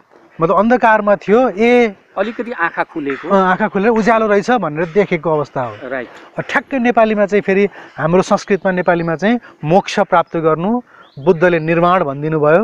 त्यही शब्द हो होइन? हो तिनी तिनै शब्दहरू छन् तर शब्दहरूमा के हुन्छ भने हरेक शब्दले आफ्नो एउटा मिनिङ बोकेको हुन्छ होइन? अनि त्यो शब्दको अर्थ भन्दा नि म तपाईँलाई अनुभूतिबाट अलिकति. क्लियर गराउन खोजिरहेको छु। त्यो सिम्पल वेबाट म भनिरहेको छु कि तपाईँलाई लाग्यो कि यो जीवन मेरो बहुत चाहिँ नि व्यर्थ गएछ। म चाहिँ अब यो दिव्य जीवनको यात्रामा यसरी अगाडि बढ्छु भने निश्चित रूपमा एउटा सामान्य सामान्य मान्छे जो संसारमा रमाइरहेको छ होइन जसलाई आर्ट अफ लिभिङको कुरै थाहा छैन अथवा मतलबै छैन अर्थै छैन महत्त्वै छैन त्योभन्दा तपाईँ त अलिकति प्रकाशित त सो त भइहाल्नु नि। सो त हुनुभयो होइन? किन त्यो कुनै चमत्कार होइन त्यो इन्लाइटेनमेन्ट भनेको चाहिँ तपाईँलाई माथिबाट आएर कुनै लाइटनिङ परेर तपाईँको चाहिँ एकदम बुम्म हुने भने जस्तो त्यो बिग ब्याङ भने जस्तो कुरा होइन कि? अनुभूतिगत कुरा हो आत्मगत कुरा हो होइन? त्यो आत्मगतमा तपाईँ आफूलाई विकसित महसुस गरिरहनु भएको छ भने तपाईँ इन्लाइटेनमेन्टको जर्नीमा हुनुहुन्छ नि होइन? सिम्पल कुरा। भनेपछि अब त्यसमा पनि ओसोको परम्परा कस्तो छ? ओसो कस्तो बुद्ध हुनुहुन्छ? उहाँको इन्लाइटनमेन्टको लेभल कस्तो छ? भनेपछि ओसोको परम्परामा अहिले त त्यति छैन धेरै सरल भइसकेको छ। जतिखेर आनन्द स्वामी आनन्दरणहरू उहाँहरू चाहिँ त्यतिखेर होइन आनन्द वैराग्यहरू नरेन्द्र बोधिसत्वहरू उहाँहरूको पालामा जतिखेर ओसोको एकदम डाइरेक्ट इन्लाइटनमेन्टमा उहाँहरू हुनुहुन्थ्यो हो त्यतिखेर त चुनौती पनि थियो। ओसो विवादास्पद हुनुहुन्थ्यो। त्यतिखेर ओसोको सन्यास लिने व्यक्ति त निश्चित रूपमा अरूभन्दा त क्रान्तिकारी। क्रान्तिकारी नै थियो। होइन? त्यो आध्यात्मिक क्रान्ति नै हुन्छ। त्यो साहस भएको व्यक्ति थियो मैले भन्न खोजेको त्यो आफैमा ओसोको सन्यास आफैमा एउटा इन्लाइटनमेन्टको बिगिनिङ हो भन्छु म। होइन? तर बिगिनिङ त भयो। त्यसको त प्रोसेस छ नि त फेरि। ल सन्यासी भयो होइन? अनि के उसका दुःख गए त? अब सवाल आफूले आफैतिर फर्काउने कुरा आयो क्या। उसका दुःख गए त? अब उस संसारको लागि एकदमै यो प्रकृति जस्तै भयो त? ऊ समभावमा उपलब्ध भयो त? ऊ सहज भयो त? यो प्रश्न चाहिँ आफ्ना लागि अरूको लागि भन्दा पनि प्रत्येक सन्यासीले आफ्ना लागि गर्नु पर्यो होइन? म सन्यासी भएँ अनि मलाई ध्यान घटित भयो त? बिहान बेलुका सक्रिय ध्यान कुण्डलिनी होइन? अरू जुन पनि ध्यान छन् चाहे ओस धाराका ध्यानहरू छन् ओस धाराकै सन्यासीलाई पनि यो प्रश्न हो। सन्यास लिइसकेपछि मलाई ध्यान घटित भयो त? म निर्विचारमा छु त? मलाई अब संसारले तान्दैन त? म रूपान्तरित भएँ त भनेर आफैले आफूलाई इमान्दार रूपमा सोद्धाखेरि यदि भएको हो भने त भएको हो नि त। होइन? र त्यो चाहिँ के हुन्छ भने एक्लै अलि सम्भव हुँदैन। त्यसैले त सङ्घम शरणम गच्छामि भनिएको हो। होइन? बुद्धम शरणम गच्छामि होइन? सङ्घम शरणम गच्छामि अनि धम्मम शरणम गच्छामि। यो त्रिरत्नको उता बुद्ध धर्ममा छ। यतातिर ओसोले पनि त्यसलाई रिपिट गर्नुभएको छ र ओसो धाराले अहिले अलि त्यसलाई मोडिफाई गरेको छ। अनि यो किन त भन्दाखेरि जब सङ्घ चाहिन्छ भनेपछि त्यो सङ्घमा एउटा सम्बुद्ध चाहिँदैन। सिधै छ त कुरा जसले बाटो देखेको छ। जसको जीवनचर्या हेर्दाखेरि होइन ऊ चाहिँ पारङ्गत देखिन्छ। होइन? त्यो त्यो देख्दैखेरि थाहा हुन्छ त त्यहाँ कुनै पनि समूहमा त्यो सङ्घमा कोही न कोही कम्तीमा पनि होइन एउटा जागृत व्यक्ति भइसकेपछि मात्रै त्यो सङ्घ हुन्छ। नभए त त्यो के भयो? एउटा सामान्य समूह मात्रै भयो त्यो। त्यो मालै लगाएको किन नहोस्? सन्यासी नै लिएको किन नहोस्? ऊ आफ्नो विकास खोजिरहेको छैन। अर्थात् उसलाई विकासतिर हुत्याउने अर्को व्यक्ति उसलाई चुनौती दिने होइन उसलाई आह्वान गर्ने उसलाई ललकार्ने अर्को त्योभन्दा माथिल्लो चेतनाको व्यक्ति छैन भने त्यहाँ विकास कसरी सम्भव हुन्छ? यिनै कुराहरू हुन् यिनै भेद विभेदहरू हुन् तर वास्तवमा जसलाई चाहिएको छ के जसलाई चाहिएको छ सबैले एकदमै आफ्नो इमान्दार रूपमा भन्नु पऱ्यो कि म ओसोको सन्यासी भएँ ओसोको परम्परामा छु अनि मैले ध्यान चाहिँ जानेको छु अथवा जानेको छैन। त एवं रीतले कसैले ध्यान जान्दछ ध्यान भन्दा पनि अझ गहिराइमा समाधि छ समाधि जान्दछ। भनेपछि ध्यान जान्ने भन्दा समाधि जान्ने व्यक्ति त मोर इन्लाइटेन्ड त त्यतिकै भयो नि। होइन? र अन्ततगत कसैलाई लागिरहेछ म जगतप्रति अनासक्त छु। मेरो कुनै अब कथा कहानी छैन। म एकदम मस्त छु आफैमा। आफैमा पूर्ण छु भनेपछि ऊ त सम्बुद्ध भयो त हो। त्यो त्यसको लागि त नयाँ कुनै त्यो क्राउनिङ गर्ने होइन नयाँ नयाँ के के हुनुपर्ने भन्ने खालको चाहिँ कथा भन्दा पनि मैले चाहिँ आफूलाई एकदम साधारण ढङ्गले लिएर गएँ। त्यसको अर्को पाटो पनि छ। सिद्धिको तर्फबाट गर्ने व्याख्या पनि छ। कि सतोरीमा के हुन्छ सम्बोधीमा के हुन्छ होइन? ती कुराहरू पनि छन् होइन? तर ती कुराहरू त निकै माथिल्ला कुराहरू भए क्या तर त्यो जसले चाहिँ ध्यान पनि पार गरेन उसले चाहिँ धेरै कलह गर्यो क्या यो समाधि हुनै सक्दैन अनि सम्बोधि हुनै सक्दैन भन्ने खालको कुरा चाहिँ जान्ने व्यक्तिले त हुनसक्छ भनिहाल्छ नि। अनुभव अनुभव गरेको व्यक्तिले त हुनसक्छ भनिहाल्छ नि। तपाईँ एउटा प्रसङ्ग मलाई याद आउँछ ओसोकै समयमा कि ओसोलाई गएर केही मान्छेहरूले भन्छन् भगवान् चैतन्य भारती तो अपने आप को इन्लाइटिन करता है। ये कैसे हो सकता है? भनेर भनेकोमा भगवान्ले भन्नुहुन्छ गजब छ ओसोको रिप्लाई दिने तरिका तपाईँलाई पनि थाहा छँदै छ होइन? चैतन्य भारती इन्लाइटेन हो गया तो तुम्हारा बाप का क्या गया? कोही व्यक्ति इन्लाइटेनमेन्टमा छिर्यो। खुसी हुनुपर्ने कि सिकायत गर्नुपर्ने? म त तु केही देख्दिनँ म कुरा। तपाईँ इन्लाइटेनमेन्टमा जानुभयो म त खुट्टा ढोक्न तयार छु नि। तपाईँसँग त झुक्छु नि। किनभने तपाईँ इन्लाइटेनमेन्टमा प्रवेश गर्नुभयो भने तपाईँ मेरो भविष्य हो। कि म त्यही जगतको लागि चाहिँ एउटा मङ्गलको कुरा मङ्गलको कुरा हो नि। हो बुद्धको प्रसङ्ग छ उसोले भन्नुभएको छ। बुद्ध जब समुद्रीमा उपलब्ध हुनुभयो पुष्प वृष्टि भयो आकाश मार्गबाट। भन्ने कुरा छ। बाहिरको पुष्प त वृष्टि हुन्छ कि हुँदैन थाहा छैन। तर म भन्छु जब मलाई खुमारी चढ्छ त सारा जगतसँग म एक हुन्छु। अनि यो कहानी होइन के? अनि जो साथीहरू अभ्यासै गर्नुहुन्न होइन? जो साथीहरू साधनै गर्नुहुन्न अनि उहाँहरू यो सम्भव छैन भन्नुहुन्छ। उहाँहरूको लागि त ठिक छ। किनभने उहाँहरूले त बोधै गर्नु भएको छैन। उहाँहरूले यो त एकदमै दुर्लभ कुरा हो यो अलङ्घ्य कुरा हो। यस्तो त हुनै सक्दैन भन्नु नेचुरल्ली दे आर राइट है। तर इन रियालिटी यो सबै सम्भव छ। होइन? दसौँ दिनसम्म कहिलेकाहीँ महिनौँ दिनसम्म पुरै खुमारी चढेको चढै हुन्छ। संसारसँग सबै नाताहरू टुटिरहेको हुन्छ। संसारको यो अघि हामीले भन्यो नि यो मिथ्यात्व हुन्छ नि त्यसको स्पष्ट बोध हुन्छ। हामीले समाधिको धेरै नै कुरा गऱ्यौँ। अष्टाङ्ग योगमा पनि यम नियम आसन प्राणायाम प्रत्याहार धारणापछि ध्यान र समाधिको बाटो त्यहाँ पनि देखाइएको छ। ध्यानमा पनि ओसोले त सम्भोक्षी समाधि के हो भनेर भन्नु नै भयो। समाधिको तपाईँले धेरै विज्ञान बुझ्नुभएको छ समाधिको अनुभूति गर्नुभएको छ। समाधिलाई बुझाइदिनुहोस् न। समाधिलाई चाहिँ बुझाउनलाई प्रेमको प्रसङ्ग लि लियो भने सबै मान्छेले एकदमै राम्ररी बुझ्छन् के। साधना सबै लगभग बुझ्नको लागि त्यो प्रेमको प्रसङ्ग भयो भने चाहिँ एकदम राम्ररी मान्छेले बुझ्छ है। अनि सुरु सुरुमा एकदम किशोरावस्थाको प्रेम यदि तपाईँलाई घट्या छ भने तपाईँ त्यहाँ जानुहोस्। तपाईँको रिएक्सपिरियन्सिङ गर्नुहोस् त्यहाँ त्यो मोमेन्टलाई।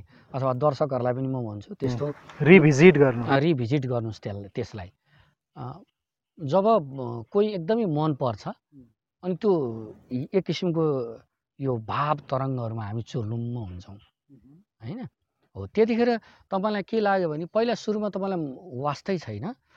एउटा राम्रो स्त्री देख्नुभयो अथवा पुरुष देख्नुभयो अनि त्यसमा तपाईँ लस्ट हुनुभयो र ओसोको तरिकाबाट म भन्ने चाहिँ लस्ट हुनुभयो भनेपछि तपाईँको चेतनाको त्यो अवस्थालाई दर्शक अवस्था भनिन्छ।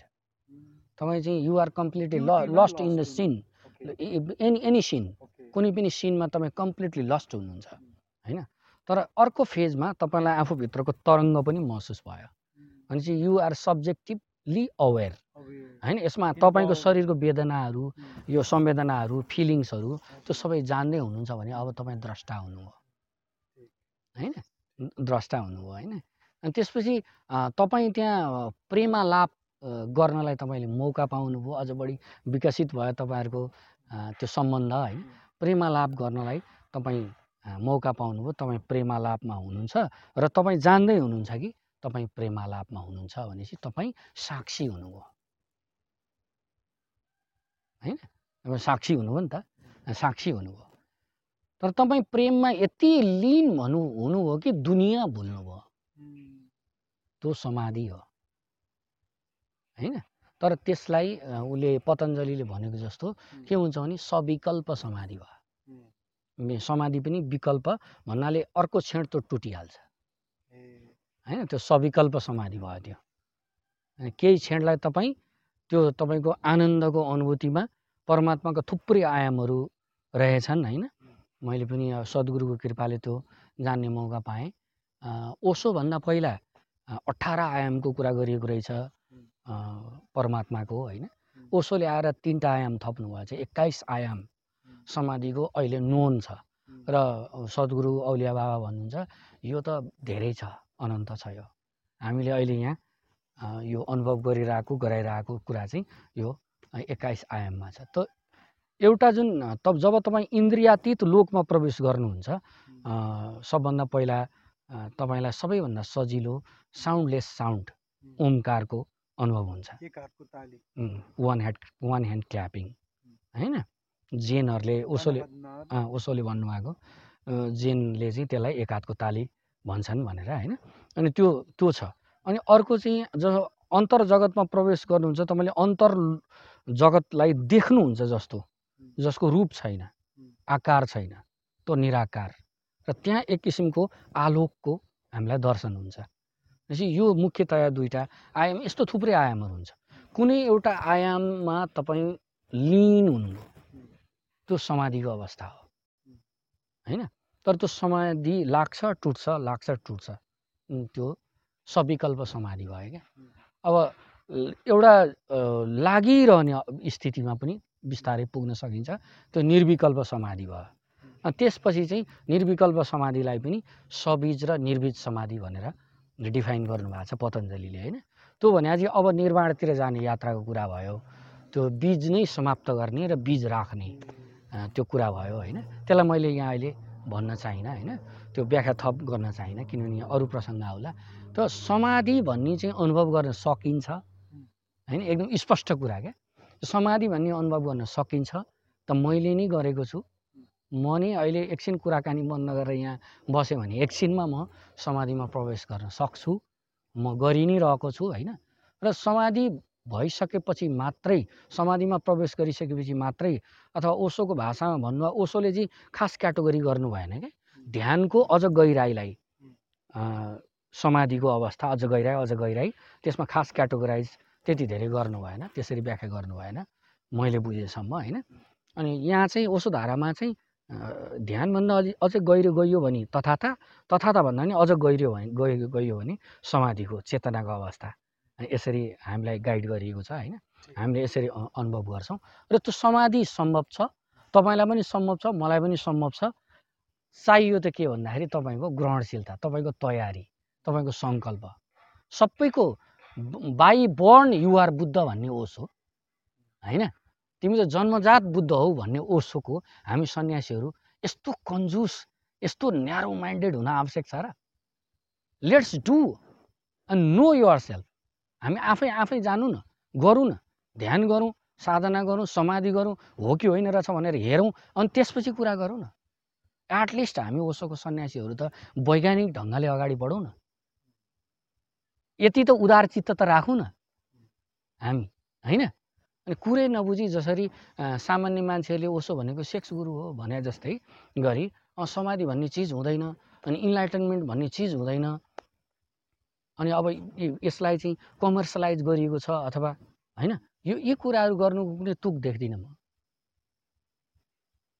यो आरोप बेकार छ। बेकार छ बरु म अरू साथीहरूलाई भन्छु आउनुहोस् हेर्नुहोस् लेट्स डु इट अनि त्यसपछि हेर्नुहोस् के हुन्छ भनेर? बेकार म देखिरहेको छु मेरो साथीहरू होइन धेरै साथीहरू म देखिरहेको छु त्यत्तिकै टाइम पास भइरहेछ। टाइम वेस्ट भइरहेछ म भन्छु। टाइम वेस्ट भइरहेछ। माला छ ओसोको माला छ वस्त्र छ सब ठाँटबाँट सबै चिज छ। ओसोको जोरवादी बुद्धको कुरा अघि हामीले अलिकति कम्प्लिट गर्न पाएको थिएनौँ सबैभन्दा ओसोको मार्ग जुन हो त्यो चाहिँ तन्त्र योग भन्दा हुन्छ लगभग। किनभने जीवनलाई भोगेर त्यसबाट जाग्ने। भोग्दा भोग्दै जाग्ने अथवा जागेरै भोग्ने होइन? तर त्यहाँ एउटा दुर्घटना सम् हुने सम्भावना ओसो आफैले व्याख्या गर्नुभएको थियो कि यो तन्त्रमा एउटा दुर्घटना हुने सम्भावना छ किनभने मान्छे भोगमा लिप्त भएर जान्छ। यदि ऊ जाग्न सकेन भने भोग त उसलाई अलाउड नै छ। जाग्न सकेन भने त ऊ डुब्यो होइन? हो त्यो कुरा चाहिँ जोरवादी बुद्धमा के दुर्घटना भयो भने साथीहरूले जोरबा समाते बुद्ध छैन। अर्थात् साधना आन्तरिक जुन समृद्धिको कुरा छ त्यतातिरको यात्रा छैन। यता संसारतिर त छुट छ अब दौडिरहेको छ अब। ठिक। ठिक छ स्वामीजी। अहिले हामी यो जुन ठाउँमा बसेर कुरा गरिरहेछौँ थली होइन यो ठाउँको नाम? थलीको यो जङ्गलमा यस्तो मजाको हावा चलिरहेछ हरियाली छ जगत कति सुन्दर देखिएको छ। एक दिन यो जगत पनि छोडेर जानुपर्छ नि है। पर्छ डेफिनेटली पर्छ। अर्थात् मर्नु त सबैलाई छ। मर्नु छ मर्नुभन्दा अगाडिको यो सब लडाइँ होइन त? ब्युटिफुल जुगाको लडाइँ होइन? ब्युटिफुल मृत्यु चाहिँ के ले त सबै चिज इन्ड गरिदिन्छ। फिनिस्ड भइस जान्छ। अहिले कोरोनाले गर्दा मृत्यु हाम्रो अगाडि चाहिँ ताण्डव गरिरहेछ भन्छन्। नाचिरहेछ। मृत्युको कुरा गर्ने बित्तिकै त्यो अगाडि गरेका जुन कुराहरू जुन छन् नि एक्कासी समथर भए जस्तो फिल हुन्छ क्या मलाई। हामी ठुला ठुला झगडाहरू ठुला ठुला कुराहरू गरे पनि होइन आखिरमा जब मृत्यु आर्यघाटमा गएर कोही जलिरहेको देख्दा होइन म पनि मर्नुपर्छ भन्ने अनुभूति हुँदा एक्कासी हाम्रो इगो कहाँबाट कहाँ तल जान्छ क्या? हालाकि त्यो फेरि घाटे वैराग्य हुन्छ। घरमा फेरि घरमा गइसकेपछि त्यो वैराग्य सकेर जान्छ। त्यो घाटे वैराग्यलाई कन्सटेन्टली राख्ने हो भने जीवन अलि सहज हुन्थ्यो होला हामी अलि सहज हुन्थ्यो होला इगो पनि हाम्रो अलिक कम हुन्थ्यो होला है? मृत्यु के हो स्वामीजी? बहुत राम्रो छ सवाल। यो एउटा मात्रै चिज निश्चित छ त्यो चाहिँ मृत्यु भने जस्तो धेरै व्याख्या पनि सुनिन्छ। मृत्यु चाहिँ खास एउटा प्रक्रिया हो है? यहाँ के प्रक्रिया छ भने अघि नै हामीले कुरा गऱ्यौँ यहाँ पर्मानेन्ट केही चिज छैन सबै चिज चेन्जिएबल छ। होइन? अनि हामी इन्द्रिय शरीरसँग तादात्म्य राखेको हुनाले यो चाहिँ सधैँ जस्ताको तस्तै रहोस्। हाम्रो सबै चेतना चाहिँ भोगमा छ कि? अनि आफ्नो कब्जामा छ। भोगको लागि त कब्जा गर्नु पऱ्यो नि त। त्यो कब्जामा छ। अनि त्यो मृत्युले चाहिँ त्यो सबै चिजमा फुल स्टप लगाइदिन्छ। पूर्णविराम लगाइदिन्छ। त्यो हुनाले मृत्यु यति भयावह भएको हो सामान्य जनको लागि। होइन? तर हो चाहिँ त्यो के भन्दा जम्मा जम्मी बुद्धले त्यसलाई अनित्य भन्नुहुन्छ क्या? यहाँ नित्य केही चिज छैन क्या? सबै परिवर्तनशील छ। सबै परिवर्तनशील छ। मृत्यु त्यहाँभन्दा बढी केही पनि होइन। जब तपाईँ मनमा बाँच्नुहुन्छ मनले एकदम म्याग्निफाई गर्छ। मनले चाहिँ यो संसार चाहिँ एकदमै सदा यहीँ म रहि नै रहँ यो भोगि नै रहँ यसलाई विशाल रूपमा चाहिँ म्याग्निफाई गरेर क्या? यो नै सबै थोक हो भनेर मनले इन्टरप्रेट गरिरहेको हुन्छ। तर तपाईँसँग जब जब गहिरो गरी हेर्नुहुन्छ यसको मिथ्यापनलाई जब देख्नुहुन्छ अनि भित्र एक किसिमको वैराग्य जुन घटित हुन्छ नि त्यसपछि फेरि त्यही मृत्यु फेरि एकदम सामान्य खेल सामान्य परिवर्तन मात्रै हुन्छ। त्यसैले ऋषिमुनिहरूले ओसोले पनि होइन मुख्य चाहिँ मृत्यु चाहिँ अहङ्कारको हो भन्नुहुन्छ। यो शरीरको चाहिँ सामान्य प्राकृतिक प्रक्रिया हो यो। होइन? अहङ्कार त स्वामीजी मृत्युको कुरा मात्रै गर्दाखेरि पनि केमिकल चेन्ज भइसक्छ क्या केही क्षणको लागि। अहङ्कारले बहुत रोल खेल्छ बहुत भूमिका खेल्छ। एकैछिनमा ऊ साधु भएको जस्तो गरिदिन्छ। त्यो त त्यही त्यो घाटे वैराग्य जस्तो। अँ अनि उसले फेरि आफ्नो रूप धारण गर्छ। त्यो हुनाले मृत्यु चाहिँ वास्तवमा मनको हुने हो। मनलाई जुन मैले म भनेर चाहिँ जुन पकड बनाएको हुन्छु त्यो आफ्नो एउटा परिचय बनाएको हुन्छु त्यसको मृत्यु हुने हो। शरीर त पञ्चतत्त्वले बनेको अ, प्रकृतिमा विलिन हुन्छ। होइन? त्यहाँ केही पनि दुःख छैन त्यहाँ कसैलाई सिकायत छैन खास। त्यो सामान्य मान्छे जो रोनाधोना गर्छन् मृत्यु भन्ने बित्तिकै उनीहरूको मेन समस्या भनेको जुन अहङ्कार पूर्ति भइरहेको थियो त्यो बन्द हुन्छ। अनि अझ त्योभन्दा पनि अझ जकडियो भने उसले जुन किसिमको तादात्म्य एकदम गहिरो तादात्म्य जगतप्रति जुन राखेको हुन्थ्यो त्यो टुट्छ भन्ने पिर हो। र समग्रमा म भोग्न पाउँदिनँ भन्ने कुरा हो। है एउटा भोगको दृष्टिकोण छ अर्को चाहिँ त्यो भोगबाट विरत भएर वैराग्यमा जाने दृष्टिकोण छ। त सन्यासीहरूको लागि चाहिँ अब यो मृत्यु भनेको अहङ्कारको निर्जरा गर्दै गर्दै गर्दै गर्दै स्रोत जस्तो थियो त्यसै त्यतितिर फर्किने। उसोले त मैं मृत्यु सिकाता हूँ भन्नुहुन्छ। मै- मर्न सिकाउँछु तिमीलाई भन्नुहुन्छ। त मर्न सिकाउने अघि पनि मैले कुरा गरेको थिएँ। एउटा साधना चाहिँ पहिला लिभिङमा हुन्छ आर्ट अफ लिभिङमा हुन्छ भने त्यसपछि आर्ट अफ डाइङ हुन्छ। मर्ने पनि कला जान्नु पऱ्यो मर्ने कलाको लागि चाहिँ पहिला कसले मार्छ त? मार्ने त चाहियो नि। कसले मार्छ? सद्गुरुले मार्छ। जिउँदो सद्गुरुले मार्छ। शरीरमा नभएको सद्गुरुले मार्दैन। एकदम दुर्लभ घटना मैले भनिहालेँ। जिउँदो सद्गुरुले मार्छ सद्गुरु चाहिन्छ र त्यहाँ बार बार जसरी ओसोले चोट हान्नु भएको छ नि होइन? हो त्यसरी चोट हान हानेर आफ्नो अहङ्कारलाई तिर्मिराइदिने व्यक्ति भइसकेपछि अनि त्यहाँ मनको मृत्यु हुन्छ। अनि कवीरले जस्तो बल्ल ए मृत्यु त यो त एकदम भ्रम रहेछ होइन? यो मृत्यु त अहिले घटित भए पनि मलाई झन् आनन्दै हुने रहेछ। पछि त मृत्यु त समाधि हुन्छ। समाधि भनेको खास चाहिँ समाधिको दुईवटा अर्थ छ तपाईँलाई पनि थाहा होला। एउटा मरिसकेपछि लगेर चाहिँ गर्ने अनि अर्को एउटा साधनामा एकदम उच्च चेतनाको अवस्था। त्यो पनि के हो भने पुरा पूर्णतया अहङ्कारको मृत्यु नै हो नि त। त्यो होइन? त्यही भएर त्यसलाई पनि समाधि भनेको। सबै चिजको समाधान सक्यो त्यहाँ। अनि त्यहाँबाट उता केही चिज छैन। त्यही परम सुख हुन्छ। त्यो त्यो हुनाले कवीरले भन्नुहुन्छ होइन जिस मर्नी से जग डरे मेरो मन आनन्द। कब मरि हुँ कब भेटी हुँ पूरन परमानन्द। होइन त्यस्तो कुरा आउँछ होइन। उसको यतातिर साधु सन्यासीको भने अरू मान्छेहरू रोइ कराइरहेछन्। र मृत्युलाई त्यत्रो भेग बनाउनु पर्ने मैले चाहिँ देखिनँ। पहिला मेरो चाहिँ साधना पनि त्यसै गरी मलाई मृत्युले एकदम आश्चर्यमा लगेर सुरु भयो। मलाई मर्छु भनेर थाहा पाइसकेपछि म एक्काइस वर्षको मात्रै थिएँ। मलाई मर्छु भनेर थाहा पाइसकेपछि त्यो दिनदेखि आजको दिनसम्म म संसारसँग आसक्तै छैन। म हुनै सकिनँ। तपाईँले भन्नुभयो त्यो मनलाई भरङ्ग पार्छ अनि त्यो समाप्त हुन्छ। एकछिनको लागि पछि फेरि आउँछ भन्नुभयो। मलाई यस्तो मेमोरी कन्टिन्यू भयो कि अब म यहाँ के गर्ने अब? न कोही मेरो न म कसैको म त अस्थायी पर्यटक जस्तो रहेछु नि त।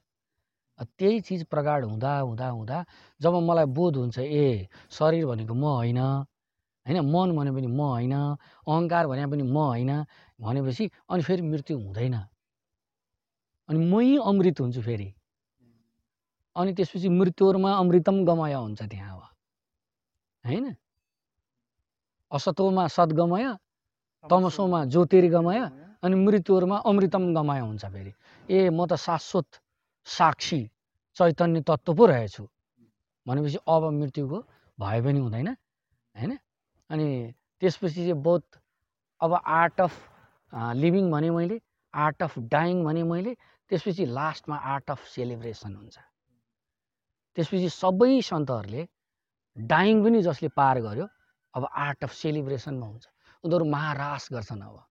अनि ओसो जस्तो चेतना जो महारास गर्दै हुनुहुन्थ्यो जो मृत्यु सिकाउँछु भन्दै हुनुहुन्थ्यो। अनि ओसो जस्तो चेतनालाई एकदमै तलको सामान्य मान्छेहरूले सेक्स गुरु भने होइन हाँसो उठ्दो कुरा छ क्या। अनि सबै मान्छेहरू लगभग मान्छेहरूको भोगको केन्द्र चाहिँ सेक्स हो। त्यो हुनाले सबैको चेतना त्यहीँ कन्सन्ट्रेट छ। अनि उनीहरूले त्यहीँबाट हेर्दा त्यस्तो केही देखियो। जुन बिल्कुल सही होइन। यत्रो विजडमको कुरा जुन हजुरले गर्नुभयो यत्रो ज्ञानको सागरहरू हामीले चाहिँ पोखायौँ आज यहाँ होइन? यो सबैको बल के? त्यो बल केले गर्दा आउँछ गुरुले गर्दा आउँछ होइन? गुरुले अनि आफ्नो अनुभूतिले होइन? गुरु गुरुको कृपा। र अनि आफ्नो अनुभूति। चार तहको कुराहरू र त्यो आफ्नो अनुभूति पनि फेरि गुरुले गर्दा। गुरुको छत्र छायाले गर्दा।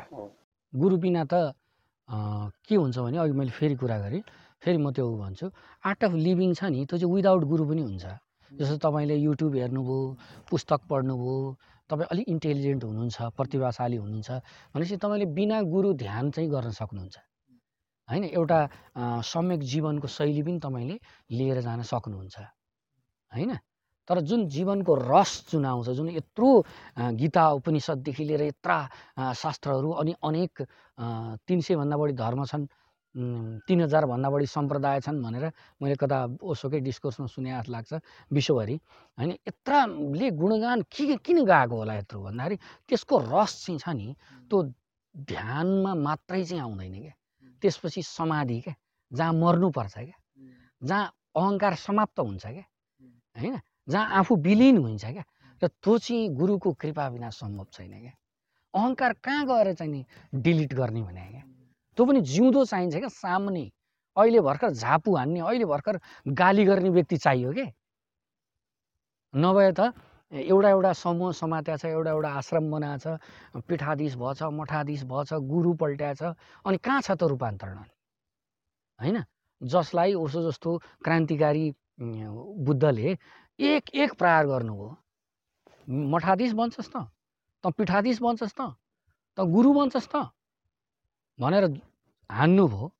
अब अब ओसोकै परम्परामा यति धेरै यो यो सब जुन चलिरहेछ होइन कु- कति कति पर्सेन्ट के त्यहाँ एक किसिमको यो जुन अहिले भन्यौँ हामीले उपनिषद्को लेभलको तहको समाधिको तहको जुन रूपान्तरण छ त्यो बिना त के हुन्छ भने सिम्पल एउटा परम्परा चलाउने जस्तो एउटा ओसोको भाषामा भन्नुपर्दा दोकानदारी होइन? रिसोर्ट राम्रो बस्ने ठाउँ यसो रिफ्रेसमेन्ट होइन? एकदमै अप्टिमम लेभलमा मेडिटेसन होइन? त्यहाँभन्दा माथि हुँदैन। त्यहाँभन्दा माथि जानु छ भने जीवन्त गुरु चाहियो सामने चाहियो झापु हान्ने चाहियो। ओसोकै जीवनमा हेर्नु नि तपाईँ ओसोकै जीवन हुँदा हुँदै ओसो हुँदा हुँदै अनि खोइ त अनि को निक्लिनु भयो त? निक्लिनु भयो? निक्लिनु भएन नि। त्यसको लागि पनि हिम्मत चाहिन्छ। जस्तो म बुद्ध हुँ होइन? म चाहिँ तपाईँहरूलाई गाइड गर्न सक्छु। म ओसोको उत्तराधिकारी हुँ। म ओसो परम्परालाई यसरी गुरु शिष्य परम्परामा कन्भर्ट गर्न सक्छु। भनेर गर्नको लागि पनि गफै गरेर मात्रै त हुँदैन नि त। त्यसको लागि त कति चाहिन्छ त्यो? होइन? त्यो ओसोको कृपा बिना सम्भव छैन नि फेरि। गुरुको कृपा बिना ओसोको कृपा बिना भन्दैछु ओसो अहिले शरीरमा हुनुहुन्न। जसलाई पनि अहिले जो पनि त्यो गरिराखेका छ यदि कसैले गरिरहेछ ओसोकै कोही नोन अननोन होइन? गरिरहेको हुनसक्छ। त त्यो ओसोकै कृपा बिना सम्भव छैन नि त्यो। ओसो त अब हाम्रो लागि के हुनुभयो? ओसो त शरीरमा हुनुहुन्न। ओसो त हाम्रो लागि गोविन्द हुनुभयो। परमात्मा हुनुभयो सर्वव्यापक हुनुभयो कसरी समाउने त? यो सूर्यको किरणलाई कुन किरण समाउने? कसरी समाउने? एउटा बाटो चाहियो नि बी प्र्याक्टिकल प्र्याक्टिकल त चाहियो नि। मैले ध्यान जानेको छुइनँ मलाई समाधि जान्नु पर्यो। सोध्नु त पऱ्यो नि। कोही त हुनु पऱ्यो नि। कत्रो सौभाग्य हाम्रो। कि ओसोको परम्परा समाप्त भइसकेको थियो। ओसोले दिनु भएन त्यो कुरा। कसैलाई उत्तराधिकारी दिन्छु भनेर दिनु भएन। त्यसको पनि पछाडि कारण होला नि। उत्तराधिकार हुन त सक्षम व्यक्ति पनि चाहियो नि त। अनुभूतिमा पनि डुबेको। त्यो अनुभूतिलाई उतार्न पनि सक्ने जीवनमा अनि त्यसलाई अरूको मङ्गलको लागि प्रयोग पनि गर्न सक्ने। त्यो दक्षता क्षमता सारा भएको व्यक्ति। जसरी गुरु ग्रन्थ साहिब अन्तिममा गुरु गोविन्द सिंह पछि गुरु ग्रन्थ साहिबमा गएर टुङ्गियो अनि ओसोको परम्परा त्यहाँ टुङ्गियोस्। ओसो ओसो जस्तो बुद्धको परम्परा त्यहाँ गएर टुङ्गियोस्। म त म त आई डोन्ट लाइक दिस होइन? म त यति खुसी छु कि हामी चाहिँ त्यो परम्परालाई होइन? हाम्रो सौभाग्य भनौँ न सद्गुरुको साथमा लिएर हिँड्दैछौँ होइन? सबको आफ्नो तरिका हुन्छ। आफ्नो तरिकाले गर्नुहोस्। तर जे सत्य हो त्यसलाई यो सत्य हो भन्न पनि नहिचकिचाउनुहोस् कम्तीमा ओसोको सन्यासी कम्तीमा। त्यति ठुलो छाती त राख्नुहोस्। अथवा ठिक छ होइन रङ हो कम्प्लिटली रङ हो भने कम्प्लिटली रङ हो भनेर जस्टिफाई त गर्नुहोस्। होइन? यो कुरा हुन्छ। विदाउट गुरु हामीले भन्नु खोजेको विदाउट गुरु तपाईँको अहङ्कार गल्दैन। जिउँदो गुरु अगाडि त्यो अहङ्कार गल्दैन र अहङ्कार नगलेसम्म आर्ट अफ डाइङ हुँदैन। आर्ट अफ डाइङ नभएसम्म समाधि हुँदैन। र जुन कुरो जुन ओसोले दिनु खोज्नु भएको थियो त्यसमा हामी अगाडि बढेनौँ यदि त्यो छैन भने। त्यसैले यो त हाम्रो सुखद कुरा हो। बिल्कुल। आजको एपिसोडमा हामीले समग्रमा जीवनलाई बुझ्नको लागि एउटा ओसो जस्तो महापुरुष बुद्ध पुरुषलाई नजिकबाट निहाल्ने प्रयास गऱ्यौँ। धेरै तरिकाले धेरै एङ्गलहरूबाट ओसोले भन्नुभएका कुराहरू एनालाइसिस गऱ्यौँ र ओसो पछिका विभिन्न चाहिँ जुन अङ्गहरूले काम गरिरहेका छन् ती अङ्गहरूको बारेमा कुरा गऱ्यौँ। ओसोलाई समग्रमा आजको कार्यक्रमले धेरै बुझायो जस्तो लाग्छ मलाई। लगभग लगभग पछिल्लो एपिसोडमा अघिल्लो एपिसोड हेरिसकेपछि अघिल्लो एपिसोडमा त हामीले जीवन भनेकै के हो? जीवनलाई नै बुझ्न प्रयास गर्दैथ्यौँ। अब जीवनलाई बुझ्नको लागि जीवनलाई जान्नको लागि गुरु चाहिन्छ त्यो बाटोमा हिँड्नै पर्छ। भनिसकेपछि फेरि हजुरले हिँडेको बाटोलाई जान्नको लागि हजुरले हिँडेको बाटोमा फेरि रिभिजिट गर्न रि वकिङ गर्नको लागि आजको यात्रा भयो। समग्रमा आजको कार्यक्रमले धेरै पथिकहरूलाई अझै ओसोको सम्बन्धमा क्लियरेन्स गर्यो होला भन्ने आशा लाग्छ मलाई। लगभग हामीले चाहिँ एक घन्टाभन्दा बढी कुरा गऱ्यौँ र ओसोलाई धेरै राम्रोसँग बुझ्यौँ र जीवनलाई बुझ्नको लागि ओसोलाई बुझ्न चाहिँ राम्रो कुरा हो र त्यसले हामीलाई यो बाटोमा हिँड्न सहज सहयोग गर्नेछ। मैले सोध्नुपर्ने प्रश्नहरू ओसोका सम्बन्धमा धेरै थिए र क्लियर गरेँ। यो भनिरहँदा यो सोधिरहँदा ओसोको जगतमा भएका जति पनि सङ्घ संस्थाहरू छन् ती कुनै पनि सङ्घ संस्थाहरूप्रति हाम्रो भेदभावको राखेर कुरा गरिएको होइन कि बिल्कुल रूपमा बुझ्नको लागि यो चाहिँ बाधे बाधे तत्त्वबोध भने जस्तो ती यो बादबाट यो कुराहरूबाट हामीले प्रष्ट हुन प्रयास मात्र गरिरहेको हो। फेरि पनि सरल रूपमा सरस रूपमा छोटोमा यो जीवन चाहिँ अब कसरी मिठो बनाउन सकिन्छ होला स्वामीजी त्यो अलिकति बताइदिनुहोस् अनि फेरि हामी मिठो इन्डिङ गरौँ। एकदमै धन्यवाद सुभाषजी कि ओसोको अलिकति हामीले सबै त कुरा गर्न भ्याएनौँ ओसोको अलिकति कुरा हामीले गऱ्यौँ। कतिपय कुरामा हामी अलिकति प्रासङ्गिक पनि भएनौँ होला होइन? ओसो चाहिँ एकदमै विराट सागर जस्तो हुनुहुन्छ क्या। हामीसँग जस्तो पात्रता छ जत्रो पात्र छ त्यति नै उगाउने हो ओसोलाई होइन ओसोको बारेमा बताउने एकदम धृष्टता नै हो। ओसो त्यति विराट हुनुहुन्छ होइन? त समग्रमा मैले भन्नु खोजेको कुरा के हो भने अघिल्लो एपिसोडमा चाहिँ हामीले एउटा दिव्य जीवन पनि हुन्छ है। दिव्य जीवनतिरको यात्रा गर्नुपर्छ। यसरी गऱ्यो भनेदेखि राम्रो हुन्छ भन्ने कुरा गरेका थियौँ। यसमा चाहिँ मेरो बुझाइमा दिव्य जीवनको यात्रा गर्न तयार भइसकेको व्यक्ति सङ्कल्पित भइसकेको व्यक्- व्यक्ति यतिसम्म कि सन्न्यास्त भइसकेको व्यक्तिले पनि कसरी यात्रा गर्छ भन्ने कुरा हामीले भन्यौँ जस्तो मलाई लाग्छ होइन। आर्ट अफ लिभिङमा जान्छ पहिला अनि आर्ट अफ लिभिङ भन्दा पनि माथि आर्ट अफ डाइङमा जान्छ। अनि त्यसपछि अन्तर्गत आर्ट अफ सेलिब्रेसनमा जान्छ। यसरी भनेपछि साथीहरूलाई त्यो कुरा अलिकति क्लियर भयो होला भन्ने मलाई लाग्छ होइन। अब जीवन कसरी सुन्दर बनाउने भन्ने त यही नै कुरा हो।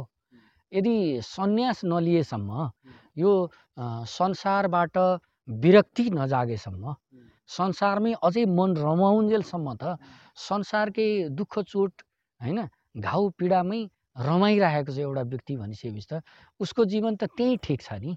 तर त्यहाँबाट जब उसलाई चर्याउँछ उसले जुन मलम जुन चाहिन्छ उसलाई त्यो मलम त उसले अध्यात्ममा प्रवेश नगरिकन त सम्भवै छैन। त अध्यात्ममा पनि प्रवेश गर्यो। अझ हामीले चाहिँ नि त्यहाँ च्यालेन्जिङ कुरा गऱ्यौँ। अध्यात्ममा पनि प्रवेश गर्यो भनेपछि इमान्दार भएर ऊ ध्यानमा प्रवेश गर्नु पर्यो। ध्यानमा प्रवेश गरेको छैन भने सन्यासी पनि खुसी छैन। होइन? ध्यानमा त्यो माला लगाउँदैमा सन्यास लिँदैमा होइन? त्यो हामीले भनिरहे यो सन्यास सन्यास भनिरहँदाखेरि हामीले चाहिँ ओसोको सन्यासको कुरा गरिरहेका छौँ विशेष गरेर। या चाहिँ अहिले मोडर्न सम समयमा लिइने जोरवादी बुद्ध जस्तो सन्यास जुन सन्यासमा घरमै बसेर गृहस्थ भएर पनि साधना गर्न सकिन्छ होइन? अँ, अहिले त्यो एकदम सही छ बिल्कुल छ। त मैले अहिलेसम्म बुझेअनुसार चाहिँ अहिलेको सन्यास चाहिँ लगभग त्यस्तो गृहत्यागी अँ, एकदम एकान्तवासी भनेको एकदम थोरै छन् होइन? अँ, त्यो पनि एकदम जोगी सन्यासी टाइपका एकदम उमेर पुगिसकेका जिन्दगीबाट हारेका थाकेका केही प्रतिशतहरू मात्रै छन्। अनि अहिले चाहिँ अब अरू समूहहरूले पनि गृहस्थमै रहेर ब्रह्मकुमारीदेखि लिएर राधे राधेदेखि लिएर इस्कोनदेखि लिएर सबैले लगभग यो उयो त यही नै समातिरहेछन् कि घर पनि छ र प्रार्थना पनि छ अध्यात्मप्रतिको रुझान पनि छ त्यो अर्को जीवन पनि छ। यसै गरी लिएर गएको छ। जोसुकै होस् जहाँसुकै होस् उसले गर्ने यात्रा चाहिँ यही नै हो।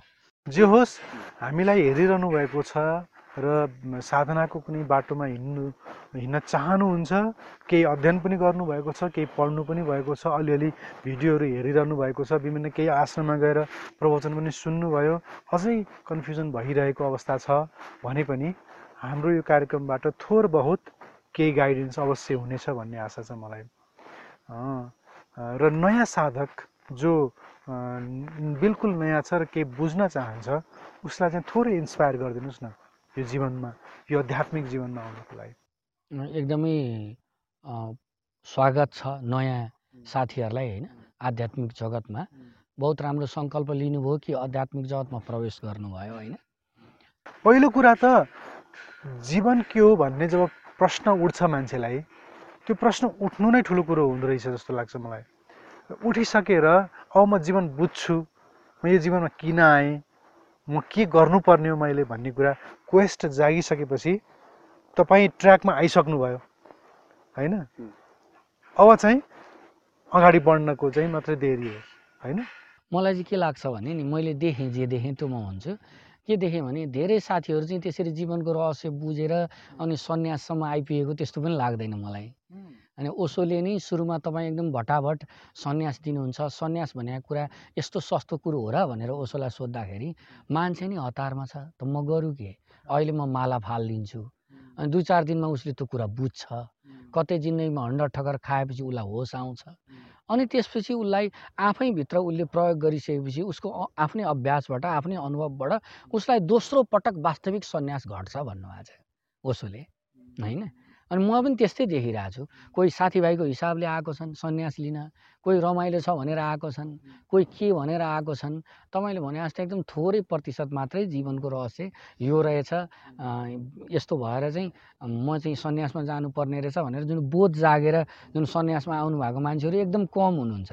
त्यस हुनाले सबैलाई म के भन्नुहुन्छ भन्छु भने सन्यासमा अथवा आध्यात्मिक जीवनको सुरुवात तपाईँले गर्नुभयो एकदमै धेरै बधाई छ एकदमै धेरै शुभकामना छ।